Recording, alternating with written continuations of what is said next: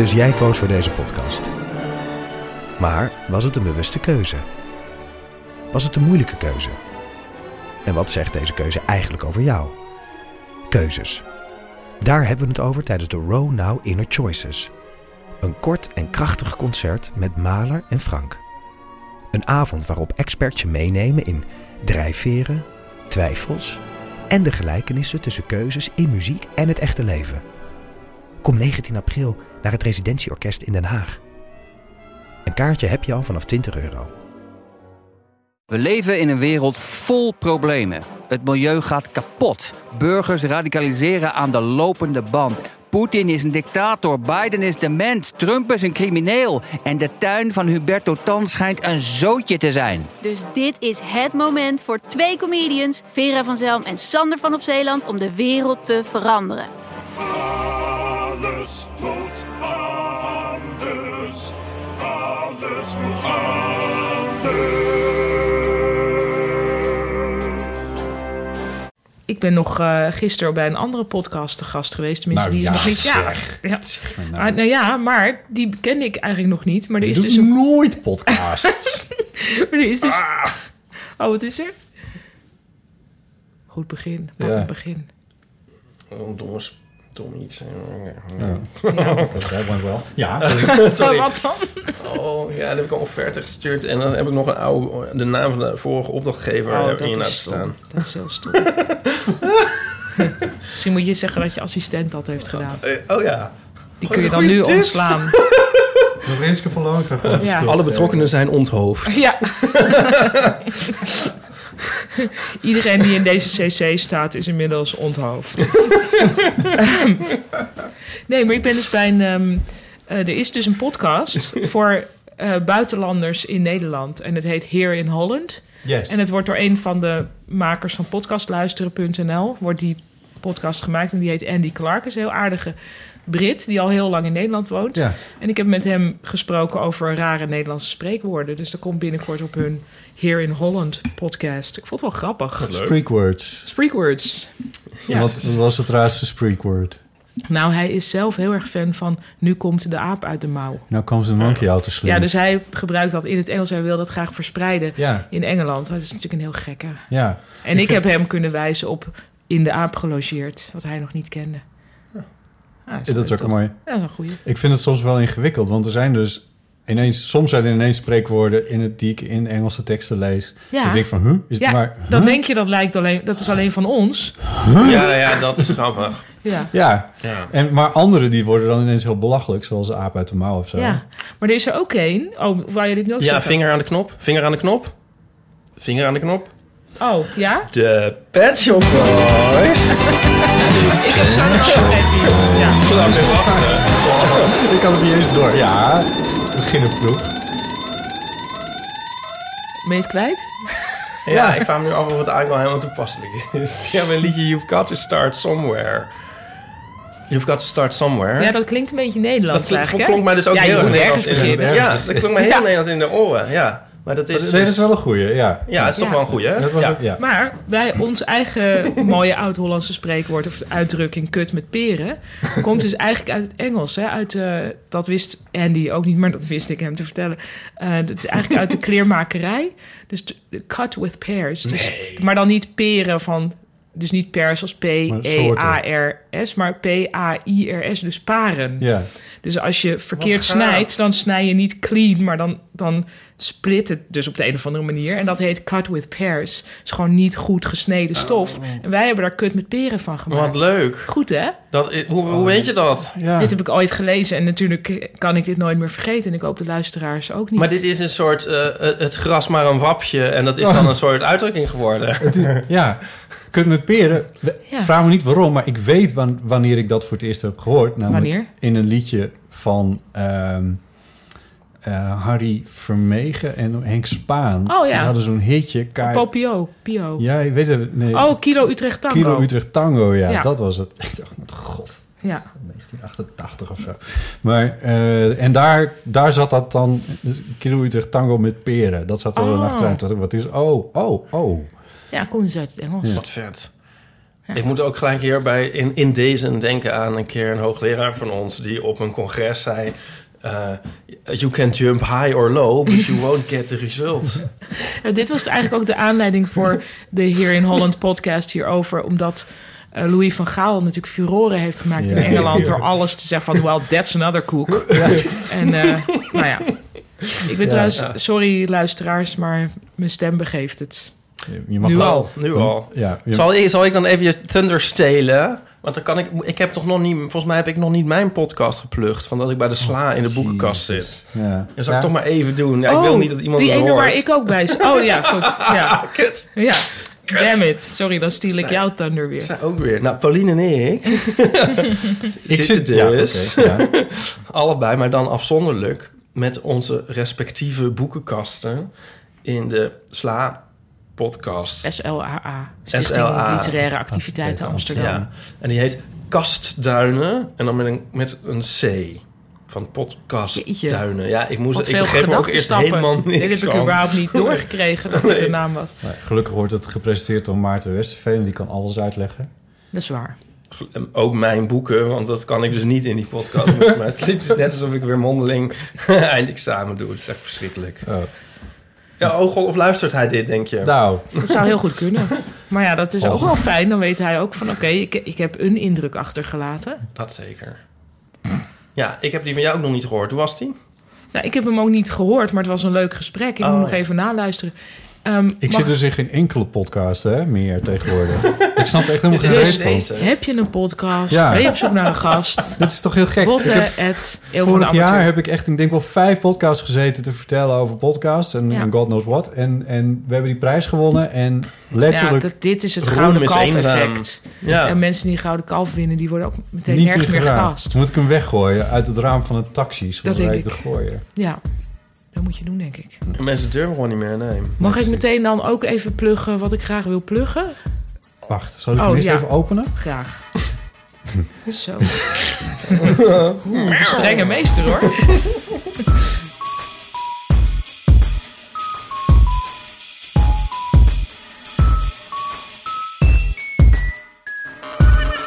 Welkom bij de Eeuw van Amateur, aflevering 77. Met natuurlijk Ipe Driessen Hardo. en ook Paulien Cornelis. Fijn om hier te zijn. En dit is eh, de vijftiende aflevering die we maken in de serie voor Storytel. En dat is tevens de laatste. Is, ik bedoel... is, het een, eh, is het een december eh, aflevering trouwens? Die we, of is het een- ja, we hebben al een december special. Nee, dat was dus de Klaas special. Ik denk dat je wel die jingle van Bart erin kan gooien. Ja, ja vinden jullie? Ja, Ik weet, ik weet even ik niet. vind Oh het ja. wel. Nou ja, even kijken. Dat is, dat is Er worden nu zeer vele heel goed georganiseerde mapjes opengeklikt door botten. Ach, mooi. Ja? Ja, tuurlijk. Ja, maar dan, dan, dan, Ah, dan, heerlijk. dan maken we er toch een... eh, Ja, dit is toch prachtig.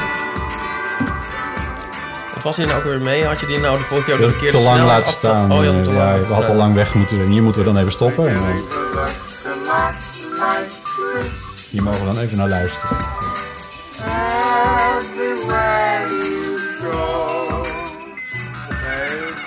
En had Bart bedacht dat we er dan nu weer overheen eh, zouden Oké, goed. Oké, laten we doen. Nou. Ja, het is een beetje een Ja, rommeltje. veten me. Ik zou eigenlijk gewoon een beetje Langzaam, hè? murmelen. Beetje eh. Hi. Oké, sorry. Pauline, je wou Ja, pluggen. ik wil heel graag eh, mensen uitnodigen meteen. Het is ook een cultuurtip. Ja, dit is wel Ehm. voor. Dit moet wel, als je dit in december 2018 nog hoort, dan, dan geldt het. Want daarna Oh ja. wordt het ingewikkeld. Als je dus dit terugluistert in 2024, dan geldt dit aanbod niet meer. Nou, misschien, maar dat- mogelijk niet. Ja, mogelijk niet. Ehm, ik ben met Chris Baaiema, mijn vriend, eh, momenteel, dat is man, Man. met de microfoon.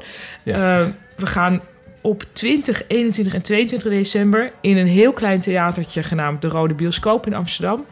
eh, gaan we een hoorspel opnemen in negen delen. En dat wordt er vervolgens uitgezonden eh, vanaf 24 december tot en met 1 januari in Man met microfoon. Maar die live opname, dan kun je dus met publiek. Eh, dus er wordt met een kerststerrencast, waaronder Leopold Witte en Cecile Heuier, die komen spelen. Techniek is in handen van ons aller Botte Jellema. Ehm, Wie hebt- belt hem niet? Ja, wie belt hem niet? Ehm, Ik word nooit ergens voor de techniek gevraagd. misschien kan jij wat foto's maken. Ehm, en, eh, Mag ik? ik- Oh, Ja? ja. Oh, nou, het is volgens mij... vol- Ja, we zijn nu aan het schrijven en we hebben nu een eerste versie. En volgens mij wordt het wel heel leuk. Ik denk, ik meen wel te kunnen stellen dat het het eerste kerstspel wordt... waarin er een kleine bijrol is weggelegd voor Grindr. Yes!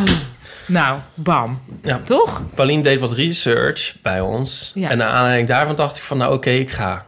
Ja, nou, precies. Want ik wilde weten of je op Grindr, net als bij Uber, een blauw stipje kunt zien dat jou nadert. Maar nee, nee, dat is, niet, dat is niet zo. Dan moet je steeds op refresh drukken en dan kun je wel zien of iemand weer wat meters genaderd is. Dus dat speelt een rol Ja. Ja, in het kerstspel. ja nou, dus, dus gaan. Dus absoluut gaan. Zeker gaan. Ik denk dat het echt wel heel... eh, ik heb er zelf in ieder geval heel veel zin in. Vraag. Ja. Eh, Hoe laat moet je er wel? Nee. Nee, hoe la- hoe laat moet ik er zijn Nog meenemen? Is er een catering? Ehm, want eh, je kan dan komen op eh, donderdag Ja, eh, eh, 20, ja, vrijdag 21 of zaterdag 22. ja. Die zaterdag die, die begint al vol te lopen, geloof ik. Die is nu vol. Maar als je nou de vrijdag gaat, snap je, krijgt- dan waar het... Ja, want je, krijgt- we doen elke avond het hele stuk. Want het bestaat uit negen korte hoofdstukjes, beetje de avondenachtig. Dus het begint ook, het loopt eigenlijk synchroon met uitzenden. Oh mijn god, ik heb er zo'n zin in. Ja, dus op 24 is de Eerste... grinder. ja, 24 is de eerste en 1 januari is de laatste. Nou, de avonden is 10 avonden, geloof ik. Maar ehm, dit is 9, maakt niet uit.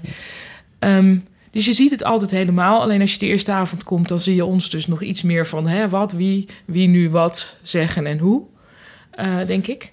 Maar dat lijkt me ook wel weer heel leuk. En we hebben ons heel erg laten inspireren door het werk van John Finnemore, een Brit die eh, de briljante hoorspelserie Cabin Pressure heeft gemaakt.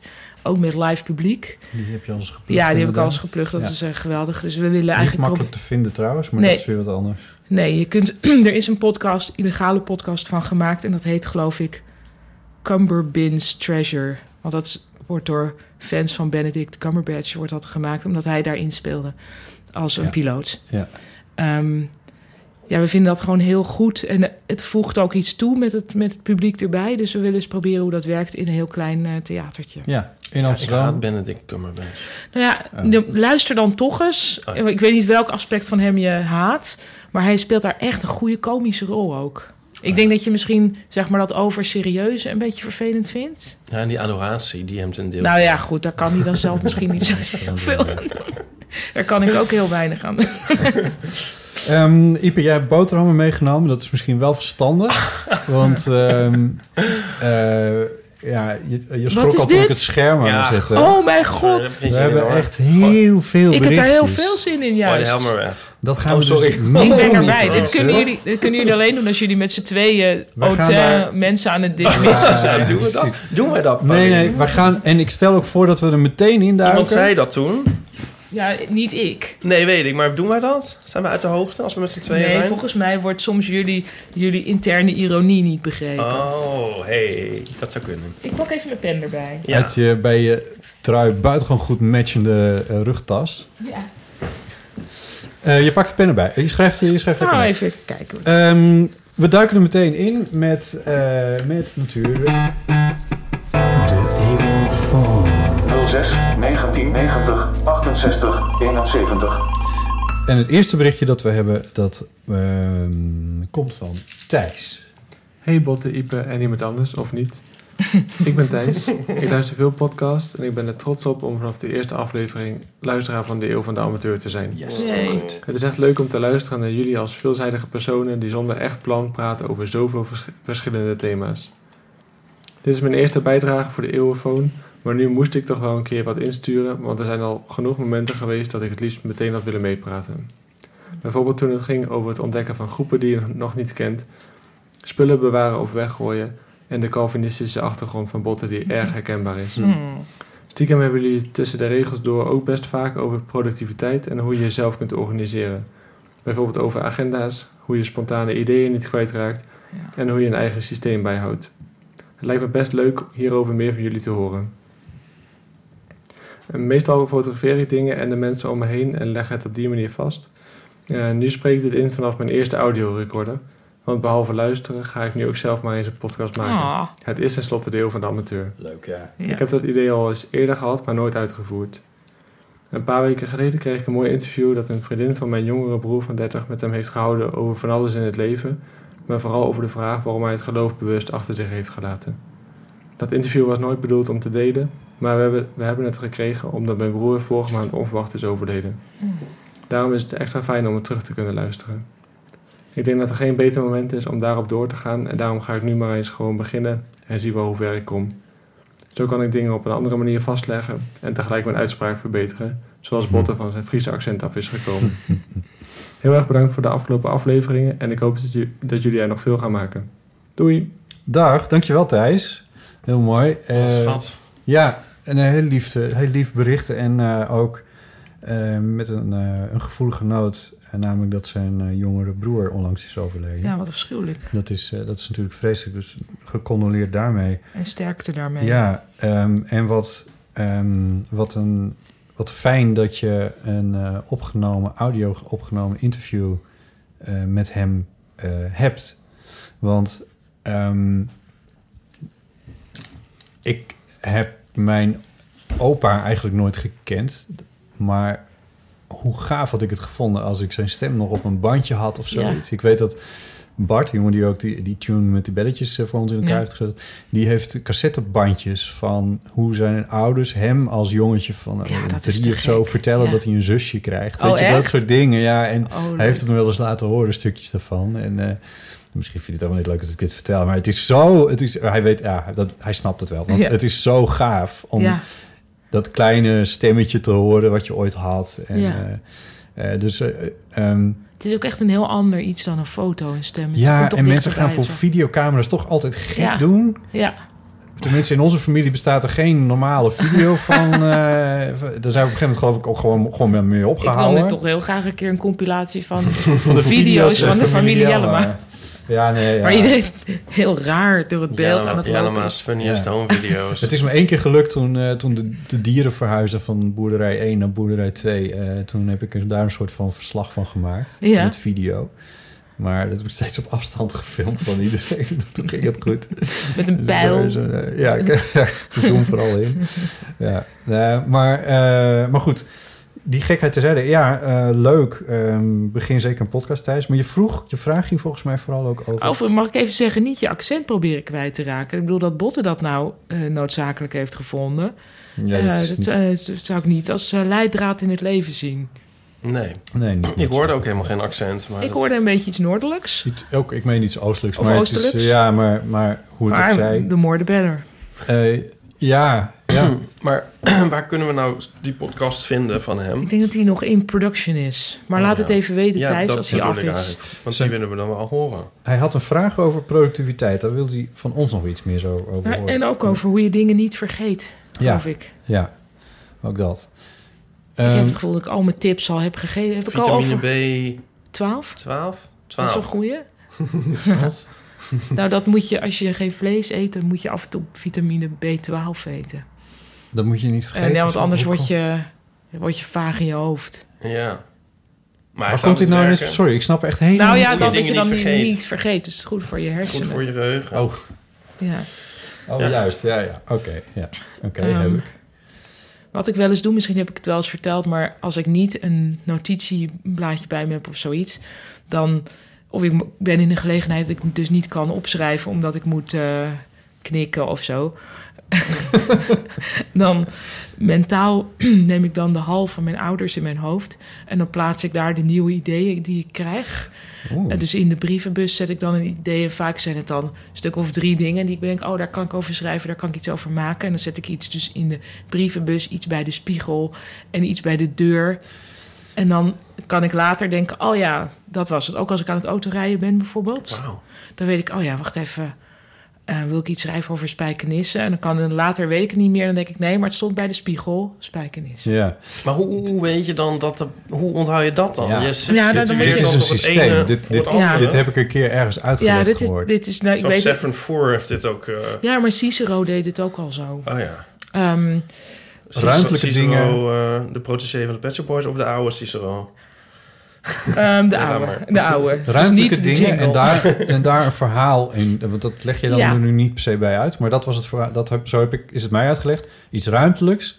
En daar ehm, Ja. een verhaal tussen, zelf een verhaal verzinnen tussen de verschillende dingen Ja, die maar je het wil verhaal onthouden. hoeft niet eens. Want je Het weet hoeft nergens over te gaan. Ik Het doe is dit wel van de juist, Loki. Ik doe dit de juist, Loki. ja, maar ik doe dat wel in real life. Dus dan ehm, ben ik even mee bezig of zo. En dan denk ik, oh, dan gooi ik bij wijze van spreken deze bananenschil nu... Ik zeg een bananenschil op de grond. En Je dan gooit ga een bananenschil op de grond. En dan sta ik straks op en dan denk ik... Oh, er ligt een bananenschil op de grond. Oh, je zet maar knopen in je zakdoek. En dan Ja. heb ik zo, gooi ik zo Ja. allemaal Ja. dingen om me heen in het huis en zo. Daar dit is een strip. Hier kun je iets over maken. ik heb hier strips over. Oh, die is hier. Oké, maar als, ik kan wel bedenken van... Oh, in het huis van mijn ouders ligt een bananenschil... bij het bakje met de sleutels. Maar ja, dan weet ik dat straks niet meer. Ja. Ja, dat, Ja, oké. Nou ja. dat, dat is... Dat is dat, ja. Dan kan ik net zo goed het idee Nou, zelf ik, onthouden. ik weet dan van, oké, ik heb iets in de hal van mijn ouders geplaatst. Ik ga even weer kijken wat het ook weer was. Oh ja, en dat, dat weet je dan nog. Nou, ik ben dus super blij met de dictafoon-app op de smartphone. Oh ja, dat heb ik dus dat werkt dus ook in de auto. Oh, Ehm, en je kan ook nog tegenwoordig je smartphone gewoon vertellen... eh, oh, dat doe ik allemaal niet. Siri, eh, maak notitie en dan... Wat moet ik daarin opschrijven? En dan, en dan kun je hem dicteren. Maar ik ga dus, ik, nee, ik heb dat hele Ah, Siri uitge... Ik hoop dat er nog Siri-fails komen, want daar hadden we om gevraagd. Eh, Oh ja. ja, nou Nee, ja, die goed. komen- nee, nee, die zijn er probeert dat in te spreken. Ik, nee. ik- Maar, nee, maar goed, dus, maar dat kan dus ook nog. Maar die, maar die, eh, eh, die dic- dicteerfunctie van smartphone... die is wat mij betreft ook een hele fijne systeem, op herinneringssysteem. En ik, ik moet heel eerlijk zeggen, ik zet hem ook wel eens aan eh, tijdens gesprekken. Formele gesprekken, waarbij het misschien niet per se de bedoeling is of zo. Maar Oh, Oké. dan, eh, dan, en, en niet om dan een, een juridisch iets eh, te hebben, maar gewoon als herinnering. Of, Ja. of, als een glazenwasser je komt bedreigen. of een glazenwasser. Dat je het stiekem opneemt. Oh, zo. Ja, gewoon hè, bij, in elke bedreigende situatie. Hup, dictafoon aan. Ja, Als je ja. een brood gaat kopen. Ik, het liefst zou ik dat de hele, willen dat de hele dag een soort recordertje in mijn, in mijn horloge zat of zo, die alles opnam. Dat zal nog wel komen. Oh, het lijkt me afschuwelijk. Ja. En dat je dan niet weer kan terug. Wat, hoe zei je dat nou ook weer? Hoe zei je dat ook? Oh, verschrikkelijk. En dan nee, maar wacht even. Oh, en dan moet die ander weer gaan terugspoelen. En hier is waarschijnlijk ook een. Volgens mij is hier een Black Mirror over. Dat helemaal niet zo'n goed idee is. nou ja, anyway. Ik Ehm, las zo'n scène terug van mijn boek. Ja. Ik wist totaal niet meer wat ehm, zo'n monoloog. Ik dacht bij elk plaatje, goh, wat zou, die- wat zou die nu gaan zeggen? Oh, leuk. Ja, maar zo stom is dat. Maar het stond Ja, er wel, wel dus dat scheelde weer. Ja, ook wel leuk. Ja, maar, jawel, maar ik bedoel... mm, als het gaat om... ehm, zeg maar precies terughalen wat je nou hebt gezegd of zo. Ik vind het ook wel fijn dat het niet zo is. Ja. Nou zitten wij dit allemaal op te nemen. Ja, precies. Maar toch, we weg ermee, ja. Ja. Want, want ja, de volgende keer vind je weer iets heel anders of zo. Je wordt misschien ook inflexibel, hè? Dat je denkt van, uh, oh ja, nee, ik moet nu dit blijven vinden, want dat vond ik Ja, al. tenzij je nu zegt van ik mag altijd veranderen van mening. En steeds als je daaraan twijfelt, zoek je terug dat je dit hebt Dat gezegd. dat, ja, dat dat Ja. dan mag. Ja. Dat is ook iets. Verder heb ik overal en nergens eh, aantekeningen, boekjes en pennetjes. En heb ik altijd, altijd in mijn eh, tas zitten. En eh, ook, ik heb verschillende manieren geprobeerd van... oké, nu ga ik helemaal paperless. Oh nee. dat- Maar dat werkt dus niet. Nee. Toen dacht ik, nu ga ik helemaal paper. Werkt ook niet. Dus ik moet gewoon verschillende dingen... en dat, en dat gebruik ik allemaal door elkaar. En er zit niet echt systeem in. En ergens vind ik dat jammer. Maar eh, het werkt Ja. voor mij. Dus ik, ik ben een soort van opgehouden om me daar druk over te maken. Dus dat doe ik qua, zeg maar, informatie organiseren ook. Oké, nou Thijs, Ja. ik hoop dat je er wat aan hebt. Ja. Toch? Laat Ja. nog even weten wat, wat Ja, de podcast wordt. podcast is. Dit was dan de eerste van 30 berichten. Ehm, ik nog twee berichten van Nico. Zullen ze gewoon Oh. allebei... eh, ja, want hij, dat is al even geleden. Toen, ehm, toen reageerde Nico op... Gooi er maar Oh, in. nou? Gooi maar in. Ja. Hoi Botte, Ipe en de rest. Ik wilde even reageren op de vorige aflevering. Jullie hadden het toen over kunstzelfverzekerdheid. Ja. Oh ja. Een tip die mij altijd is bijgebleven komt van Maxime Duval. We bezochten een expositie die door haar gecureerd was en toen zei ze tegen ons: Je kijkt met wat je weet. Ik vond dat heel mooi gezegd en een fijne aanmoediging. Misschien hebben jullie daar wat aan. Veel liefs. Dankjewel, Nico. Je kijkt met wat je weet. En dan vooral eventjes op eh, kunst eh, betrokken. Ja, dat, het, het is een algemene waarheid natuurlijk. Ik, eh, ik hoop bij kunst dan wel altijd dat je kijkt wel met wat je weet, maar ik hoop dat dan dat, dat daar wat aan wordt toegevoegd of zo. Ja. Wat, dat? Dat er wat aan wordt toegevoegd of dat verbindenissen tussen twee kennisvelden in mijn hoofd worden gemaakt die er eerder nog niet was. Ja, maar het gaat erom dat dus volgens mij dat die dat. eh, Dat het bordje onder een kunstwerk wel weg zou mogen. Nee, Of maar het niet? ging Oh. erover toen over referenties en zo. En dat je die wel of niet dan kan vatten. Ja. En dat als je heel veel referenties moet vatten, dan is het... eh, ja, dan heb je er niks aan of zo als je die dus dan niet Nou ja. ziet en zo. Maar dat ja, nog erger. Maar goed, ja. nog erger, wat dan? Nou, dat het zelfs een soort hiërarchie in... eh, dat een soort wedstrijdje referenties snappen kan worden. Ja, maar wat Maxime de Val, dus wat en Nico zo zei en Nico zo tof vond, was van dat kan je dus allemaal loslaten. En je neemt jezelf als uitgangspunt en wat jij weet, met die blik kijk je en beoordeel je Ja. en laat het je raken of niet, en Ja. et cetera. En eh, je neemt gewoon mee wat jij mee... En, en er zijn ook dingen die jij meeneemt die de kunstenaar niet kan weten of helemaal niet Ja. kent. Want Ja. je kan iets oproepen in jou, een herinnering of zo, die alleen maar van jou is, et cetera. Zeker, ja. Dus, dus het is een soort... Dus het mag. Je mag dingen niet weten en je mag dingen Ja. verkeerd hebben. Dat is volgens mij de, Ja. wat zo fijn is aan, die, aan, de, aan dat uitgangspunt. Ja. Eens. Ja, Ja. ook een leuke tip in deze. Neem een keer een peuter of een kleuter mee naar een museum. En kijk, ga eens kijken waar die naar gaat kijken. En dan is het eh, het ene na het andere schilderij van... Oh, mooie kleuren. Oh, Ja. Weet je, en dat, ja, mag het, mag het. Ja. Hoewel ik ook... Ja, ja, ik zag, ik, ik, gisteren was ik bij mijn broer die een, een kleuter, Pe- peuter, peuter, ja, kleuter peuter. heeft in dezelfde leeftijd als jij hebt. Ehm, en ehm het is een lang verhaal, maar goed. Mijn, mijn moeder had een, eh, een, handdoek voor mij gemaakt en dan had ze op geborduurd eh Friesland en eh, drie van die pompenbladen. Drie Ja. van die, eh, van die, hoe heet dat Ja. in het Nederlands eigenlijk? Dat Eh, volgens mij heette dat... eh, Leliebladen, maar- Waterleliebladeren. Waterleliebladen? Nou ja, die, Nou ja, die dat, dingen. die dingen van de Friese vlag. Ja, Dat zijn geen hartjes, maar dat zijn... hartje zonder puntje. Een zacht ja, hartje. Ja, precies. Ja. En dat was natuurlijk in een abstracte vorm geraakt... omdat mijn moeder dat had geborduurd. Dus, eh, iets wat Heel lief trouwens. Ja, dat is fantastisch. En, eh, en toen... Mijn neefje zag dat. En, eh, en die zei... Aardbeien. En toen dacht ik... Ja, Ja, dat zijn Ja. het ook. Ja. ja. En dat vind ik eigenlijk Dat heel heel, erg mooi. Ja. En waarom ook niet? En eh, ik, ik vind het zelf toch wel heel leuk. Ik heb neefjes en nichtjes uiteenlopend in de leeftijd van... nou, wat is het inmiddels? 1 en 11. Tussen, tussen Oh, leuk, 11. En ehm, vooral in die eerste jaren, vooral als het dan een beetje begint te praten... en de wereld aanschouwt, dan kan het zo... ehm, onbevangen dingen benoemen of horen. Ik zal ook nooit vergeten dat, eh, dat eh, mijn, mijn oudste neefje... die was toen ook een jaar of drie, vier of zo... Die, televisie stond op de achtergrond aan... En, op, en, wij waren gewoon aan het praten met z'n allen. En op de televisie was ineens een ambulance te horen. En hij zei ambulance. En wij hadden allemaal dat geluid Oh, ja. helemaal geblokt. Nee, precies. En toen dacht ik weer, ambulance. Hé, hey, Ja. hij heeft nog gelijk ook. Ja. Ja. Ze horen ook veel beter. Ja, maar ze horen dus alles. Ja, ja. Ongefilterd komt het gewoon allemaal binnen. En ze weten wat belangrijk is, namelijk een ambulance. Namelijk een ambulance. Want dat is super gaaf. Ja, want dat is Ja. nou... Ja. ja. ja. Dus Trouwens, nog wel waar ik wel nog even aan moest denken, ook bij wat Nico zei, ehm, met je kijkt met wat je ziet. Maar ik las Weet. laatst... Oh, je kijkt met wat je Wat je weet, sorry. ja. Ehm, dat er, ik las laatst nog wel een interessant essay toen net die, ehm, die film uit was gekomen van, eh, van Wes Anderson, volgens mij, van eh, Isle of Dogs. Mhm. Hebben jullie die gezien? Mhm. Nee. Ik heb hem zelf niet gezien, maar het is een animatiefilm Ja. en eigenlijk heel op Japan geïnspireerd. En er Mhm. kwam toen nogal wat kritiek op, omdat eigenlijk de heldin in het verhaal is geloof ik een blank meisje. En alle Japanners in de film zijn er alleen maar op uit om dieren dood te maken of op te eten. Ehm, nou, dat zouden Japanners nooit doen.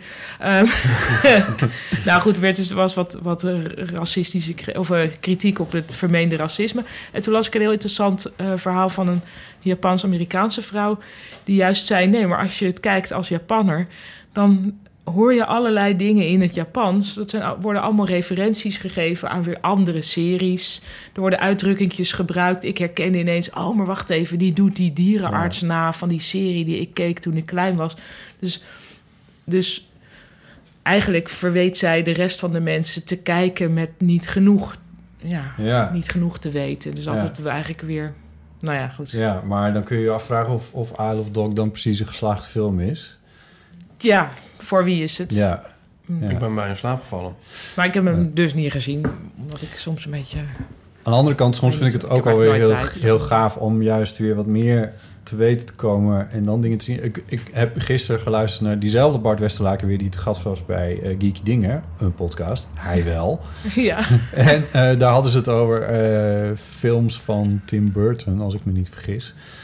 Eh, en daar werd echt op zijn geeks werd daar op alle details ingegaan. Ja. De dingen die in elke Tim Burton film zitten. En toen dacht ik, oh ja, maar dat is toch eigenlijk ook alweer, ook wel weer grappig of ja, zo. het is wel leuk. En voor wie het ziet is het, is het grappig. Voor wie het niet ziet maakt het geen fluit uit. Ja. En dan werkt het, want, dat, dat, want daar kwam het ook vandaan. Jullie waren in Berlijn bij een installatie die jij had beleefd als leuk en goed. En daarna kwam er nog een hele uitleg en bleek dat, je het, dat, het, dat het misschien iets anders was bedoeld. En is het dan een geslaagd kunstwerk geweest? Ik kijk naar jou, Ipe, maar je hebt je mond vol. Nou ja, nee, ik weet wel. Nou, het gaat niet of het een geslaagd kunstwerk is, maar voor mij deed dat een beetje af. ja, die uitleg bedoel je. Ja. ja, ja precies. Ja. Nou ja, Maar ehm, voor een ander zal het misschien toevoegen. Ja, ja. Ik zit heel erg over die ambulance te denken. Ik heb Nico een keer heel erg gekwetst. Toen zaten we op het Leidseplein en toen kwam de ambulance aan. En toen ging hij heel erg kijken. Die reed gewoon voorbij. En volgde dat helemaal zo. En toen zei ik... Je gaat hem nu nog een keer kwetsen, ja? nou, ja, maar nu kunnen we overleggen of ik het misschien va. Toen zei ik, dat is ordinair. Wat, om te kijken? Wat? Ordinair, hoe kom je daar nou bij? Ik channelde een soort mijn moeder. Ze zeg ik vond, zij vindt het indiscreet of zo. Ja, dat vond ik ook dus. Ja, Ja, ja. Ja dacht ik van ja, dat is... Dat is Zo van, je gaat niet kijken, net als Nou, dat je niet gaat kijken bij een ongeluk Ja. op straat. Die ambulance, we doen net alsof die er niet is. Die rijdt gewoon voorbij. Vind ik wel ver gaan. Terwijl je dus gewoon kan genieten van, hé, hey, wauw, die rijdt hard. Of wat, Ja. een, wat een gave lichten. Ja. Of. Nee, maar nu je Of dus wie zou daarin inderdaad liggen, over een kind dat een ambulance... en dacht ik van ja, ik probeer weer het, lieve en het leuke... en kinder, de kinderlijke verwondering probeer ik weer uit Nico te slaan... met mijn belachelijke zelfbedachte conventies. Ja. Maar ja, goed, hij heeft ook voor gelukkig jou kon je je moeder je gekozen. schuld geven. Hij heeft voor mij gekozen, ja. Maar dit zijn wel de dingen die, eh, Dit, die dit had hij eventjes, dit had hij niet, dit had hij even niet ingecalculeerd. Nee, sorry Nico. Leuk zo'n man met veel levenservaring. Eh, eh.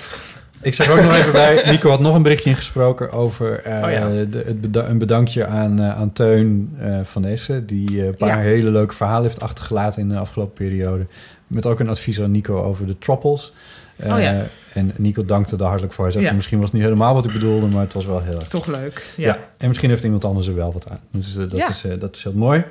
Laten we naar tijdloosheid. Tijdloosheid was ook een eh, onderwerp eh, in de afgelopen weken... toen we het te, spreken kregen. Onder andere over, eh, de, eh, over architectuur... en wat, er dan over vijf, wat we over vijf of over twintig jaar nog tof zouden vinden. En toen begon ik over hier in Amsterdam... het Oosterdoks eiland... waar een gebouw voor Booking.com wordt gebouwd. Oh ja, Pak de ja. dwangbuis. Ja. Waar ik bijvoorbeeld al over zei van... nou, Ja, dat wordt dus ik hoorde ook allemaal een soort kalasjnikovs die geladen werden op de lippen. achtergrond. Ja. Vandaag in de Volkskrant trouwens een heel uitgebreid epistel over dat hele Oosterdok. Lees die krant. Lees die krant. Eh, laten we even luisteren naar eh, Peter van Elselingen, tevens sponsor van onze Ik Soundcloud. heb hem dus ontmoet. Ja, ergens. oh, ja. hij heeft- Waar? Nou, ik ben dat helaas helemaal vergeten. maar dus hij gaf toen zijn kaartje en hij zei... en doe de groet aan Botten. Dat heb ik toen volgens mij ook gedaan. Ja, dat herinner ik me volgens En toen mij. later vond ik zijn kaartje weer. Toen, oh ja, Peter van Elselingen. Ik weet dus ook hoe die eruit ziet... maar ik weet dus niet meer waar dit dan Je was. hebt niet een bananenschil in de gang bij je ouders gelegd. Helaas heeft Peter dat niet in mij geïnspireerd. Om het Dat- maar even bij hem neer te leggen. Mogelijkerwijs na afloop van een voorstelling die je gespeeld hebt. Zou kunnen. Ja, Mag nou, ik gedurende dit bericht nog een beetje water koken? ja dat mag je. Wil je voor mij dan nog wat thee inschenken? Hoi lieden van het goede leven. Hier Peter. Ik wilde iets zeggen over tijdloos design. Ehm Botte vond het jammer dat hier wat, eh, niet zo heel veel mensen op reageerden. Eh, maar ik wil daar vanaf het begin af aan wel iets over zeggen. Eh, dat kwam eigenlijk een beetje door het, uh, het Booking.com pand, waar de Botte het over had. In mijn vak heb ik er vaak mee te maken. Eh, Twintig jaar geleden vroeg een compagnon van mij ooit eens van... Wat, eh, welke van onze armatuur is over 20 jaar een klassieker? Nu terugkijkend, 20 jaar later zat ik in de buurt. Of eh, in de richting meer. Maar meer ook niet. Ehm, sterker nog, een iconische lamp uit de jaren 80. De Ptolomeo van Artemide. Ja, ik vind, vind het eigenlijk een hele ding. Maar ja, dat is een tijdloos design geworden. Eh, en Wik- Wikipedia schrijft er zelfs over. Een icon of an Italian modern design. Maar goed, dat brengt me op het boek in het kompand. Ehm maar goed, dan moet ik eigenlijk weer even naar eh, een podcast van Paro Radio. Volgens mij, eh, ik heb eens terug zitten kijken, was aflevering 96. Dat ging over de Weense opera. De Weense opera, tijdens de bouw, eh, werd dat gebouw enorm bekri- bekritiseerd. Het was zelfs zo erg dat de kranten stonden er vol van hoe lelijk dat het was. En uiteindelijk een van de architecten, die trok het niet. En die pleegde zelfmoord gedurende de bouw. Die heeft de opening Sorry. nooit gezien. Maar nu, 150 jaar later, wordt het gebouw gezien als een hoogtepunt in de architectuur. Misschien En waren er ook andere ook dingen. auto's is ook zo'n mooi voorbeeld. Eh, wordt de Kia Picanto, kennen jullie vast niet trouwens, maar goed. Wordt dat ooit een klassieker? Nee. En iedereen zegt nu nee. Goed, in de jaren 60, toen de helft van de auto's Volkswagen Kever waren. De Nissan Kevers Cube waren, wel, hoop ik. Toen was het ook hetzelfde van als je die vraag had gesteld, zei iedereen nee, dat wordt nooit een klassieker. Maar nu, een gewilde auto. En ja, samengevat, ja, wat is klassiek? Ja. Ik weet het niet. Maar ik weet één ding zeker. Het gebouw van Booking.com maakt wel een kans. Anyway, keep up the good work. Groet uit het zuiden. Peter. Dankjewel Peter. Leuk, mooi. Ja, dus eh, dat gebouw dat, eh, maakt wel een kans. Ja, ik vind deze, ook, deze hele vraag... Hij is zo onbeantwoord, Ja. onbeantwoordbaar. Omdat Mm. nou juist... We kregen er ook opvallend weinig respons ja, op, maar om dat heel eerlijk te zijn. snap ik dus ook eigenlijk wel. Ja, nou ja, ik, In, in hindsight ook eh, wel een Ja. beetje. Mag ik iets tegen draad zeggen over ontwerpen van auto's dan? Ja. Ja. Nee, ook Ja, niet. nee, heel je graag. weet, je weet er geen fluit van, maar ga verder. Hoezo? Ik heb Nee, ik denk het wel. van. Ik denk Je dat ik wel een met wat je weet. Ja. Want ik dus echt een fantastische auto vind. Na enige, na een aanvankelijk eh, soort van... eh, nee. Ja, ja. Is het de eh, Fiat Multipla. Ja, ik ook. Oh, nee, ja, ja, I love de multipla. Ja, zeker. Oh, ja, maar dit is, maar dit is dus, ja. maar dit is omdat alle auto's dus ontworpen worden, eigen, dus dit is echt een uitzondering. De meeste worden ontworpen door, eh, ja, door en voor soort van mannen, denk Ja. ik. Eh, maar ook een soort standaard. Maar ik weet niet. Wist je dat ik deze ging zeggen? Nou, je deze ik in je dacht, hoofd? ik dacht Nissan Cube, zoiets of zo. Nou, Multipla is dus ook echt, eh, Ja. echt heftig in ontwerp. Ik vind dat geweldig. Ik vind dat ook, die, die steekt nog eens is nek zo uit. mainstream aan het worden inmiddels. En- Ja. Over die auto, ja. Nou, maar waarom... Nee, maar Bortel, dat kan wel zo zijn. Maar waarom zijn er dan nog zo weinig... Ja, waarom zijn al die auto's zo ontzettend saai dan? En hetzelfde. Wat, hè? Windtunnels. Ja, maar ik kan me niet voorstellen dat mensen nou echt denken van... Ja, het kan misschien... De- dat- het- En wat, ik Ja? dus Zo zo, simpel, en wat er zo leuk is aan de Fiat Multipla... is dat je met z'n drieën voorin kan zitten. Dus een throphole-auto. Wat te gek. Ja. Dat wist ik niet eens. Nee, dat nou, dat, alleen al denk ik van... Elke keer als ik zo'n ding zie, dan, dan, dan springt mijn hart Ja, maar- open. En dan oké, denk maar- ik, oeh. Botte, in. Japan zijn alleen maar schattige auto's. Die allemaal heel multipla-achtig Ja. zijn. En die zijn allemaal, nou, de ene nog liever dan de ander. Ik heb ook heel veel foto's van mijzelf dat ik een auto aan het huggen ben. Zijn, vinden ze daar dan, zijn daar geen windtunnels? notes. Ja. Nou, Japan is een, apart, het niet. een verhaal apart. Ja. Het is een land van eh extreem. Wat een Van tegenstelling. uiterste. Ja. Nou, nee, maar in Japan zijn de mensen veel kleiner. Dat is één. Ja. Eh, en twee, eh, daar worden autootjes eh, niet gebruikt voor langere afstanden zoals dat in Duitsland eh, worden gebruikt. Ja, oké. daar hebben ze andere vervoermiddelen voor. Ehm, of grotere auto's, want ze bouwen ook heus grote auto's in Ja, maar die Japan. zijn ook allemaal die in staan- heel leuk blokkig, Die hoor. staan niet in de binnensteden. Nee, maar in de, de, de, zeg maar de Duitse, de Franse en wat Engelse eh, autoproducenten... Waarvan we, het gros waarvan wij hier krijgen... en Mm. die doorgaans worden gekopieerd door ehm, de, de Koreanen en deels ook Japanners...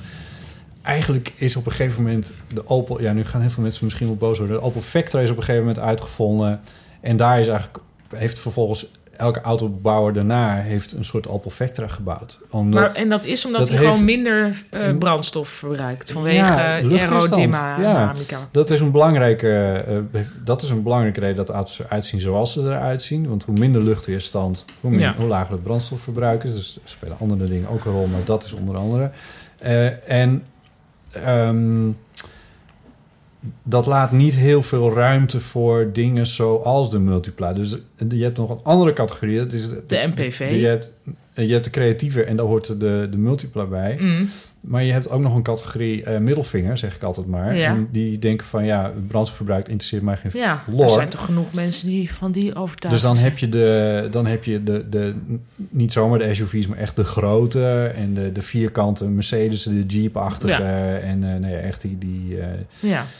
PC-hoofdtractoren, zoals, zoals we maar zeggen. Die, en, maar ook die beginnen dus al veel meer rondingen te krijgen en veel meer stroomlijn te krijgen. Toch denk ik ook dat hier gewoon meespeelt conformisme. Ja, dat en, denk ik ook En een soort peergroepen onderzoek en dingen en zo. En dat mensen gewoon Ja, want ook de snoek bijvoorbeeld was hartstikke aerodynamisch, denk ik, maar ook heel mooi. Ja. Nou, dat Mhm. maken ze nu dus Nee. niet meer. Het is gewoon Nee. allemaal super lelijk. Nee, nou ja, Ik weet niet hoe aerodynamisch die was, maar Nou, die zo had ziet wel hij er wel soort- uit in ieder geval. Die druppelvorm, die had hij wel. plus dat Ja. als dus mensen ja, PC-hoofdtractoren willen kopen, waarom dan niet iets wat daar ook nog gewoon...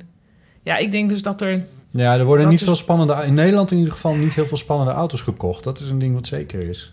Ik zag een keer echt een heel lief busje in de stad staan. En dat ik helemaal opschrijf van... oké, het is een Nissan-busje. En dat was ook een soort retro-ontwerp. Nou, echt. Jij zou het ook Ipe te gek vinden. Jij geloof minder, denk ik. Botten.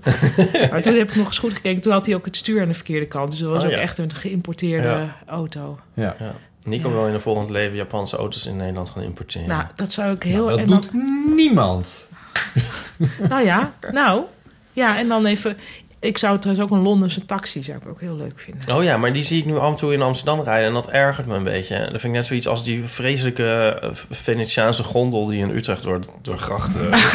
Oké, nou goed, daar stap ik dan weer vanaf. Ja. Die, die, eh, die auto die jij ziet rijden, dat is trouwens een elektrische eh, taxi. Oké. Die, eh, die Engelse Oh ja, taxi. maar dat hij zo'n Engels uiterlijk heeft, dat vind ik toch een beetje... Ja, dat, ja. Nou, Oké, ik vind ja. het, raar. het is Ja, ook prima. Het is, het is een soort busje. Het is, voor een taxi is het prima. Er is trouwens in Japan nog even, sorry, maar dit wordt gemierenneuk. Maar er is wel dus Mhm. een verschil tussen de stadsauto's en de plattelandsauto's. En die hebben Ja. ook een ander nummerbord. Maar de plattelandsauto's in Japan, die dus op zich voor iets grotere afstanden worden gebruikt, zien er ook hierover meer in de show notes Hm. super cute uit. Oké. Maar dat is dus ook wel interessant, want ik hoor jou vaak eh, snoezig of Mhm. leuk of, of knuffelbaar. Ja, en dat is eh, dus blijkbaar niet dat de een- motivatie. Nee, voor veel mensen die een auto kopen is dat niet... Maar dat zou natuurlijk wel moeten worden. Ja, wat Als- rijd jij? Nou ja, eh, Ja. ik hoop dus, wil, ik- het is een soort rijdende schoen. Dat is op zich goed eraan. Het is een Ford Tourneo. Voor mensen die bijvoorbeeld de Citroën Berlingo kennen, dat type. Dus ja, je kan ook een hele rolstoel achterin doen. Ik Ja. heb heel lang mijn hele decor erin gedaan. Dat is super handig. En het, he- ja, het heeft inderdaad niks met aerodynamica te maken. Je hebt wel heel veel ruimte. Ja. Beetje een soort half bestelautootje. Dat Ja. vind ik leuk. En het autootje van Ipe en Nico? Dat vind ik ook heel leuk. Ja. Maar zodra vrouwen meer geld gaan verdienen, zullen er dus gewoon mooiere auto's moeten komen. Ja, maar ja, ja, ja, oké. Waar- waarom? Nee, ik vind het helemaal niet leuk dat ik daar maar zeg. dus, dus het enige wat met binnenschiet is van... eh, er- want er zijn nog veel meer dingen die een rol spelen. Ik denk als je serieus ga- een auto gaat uitzoeken... Hè, stel, Ja. geld speelt geen rol en je mag een auto uitzoeken. Mhm.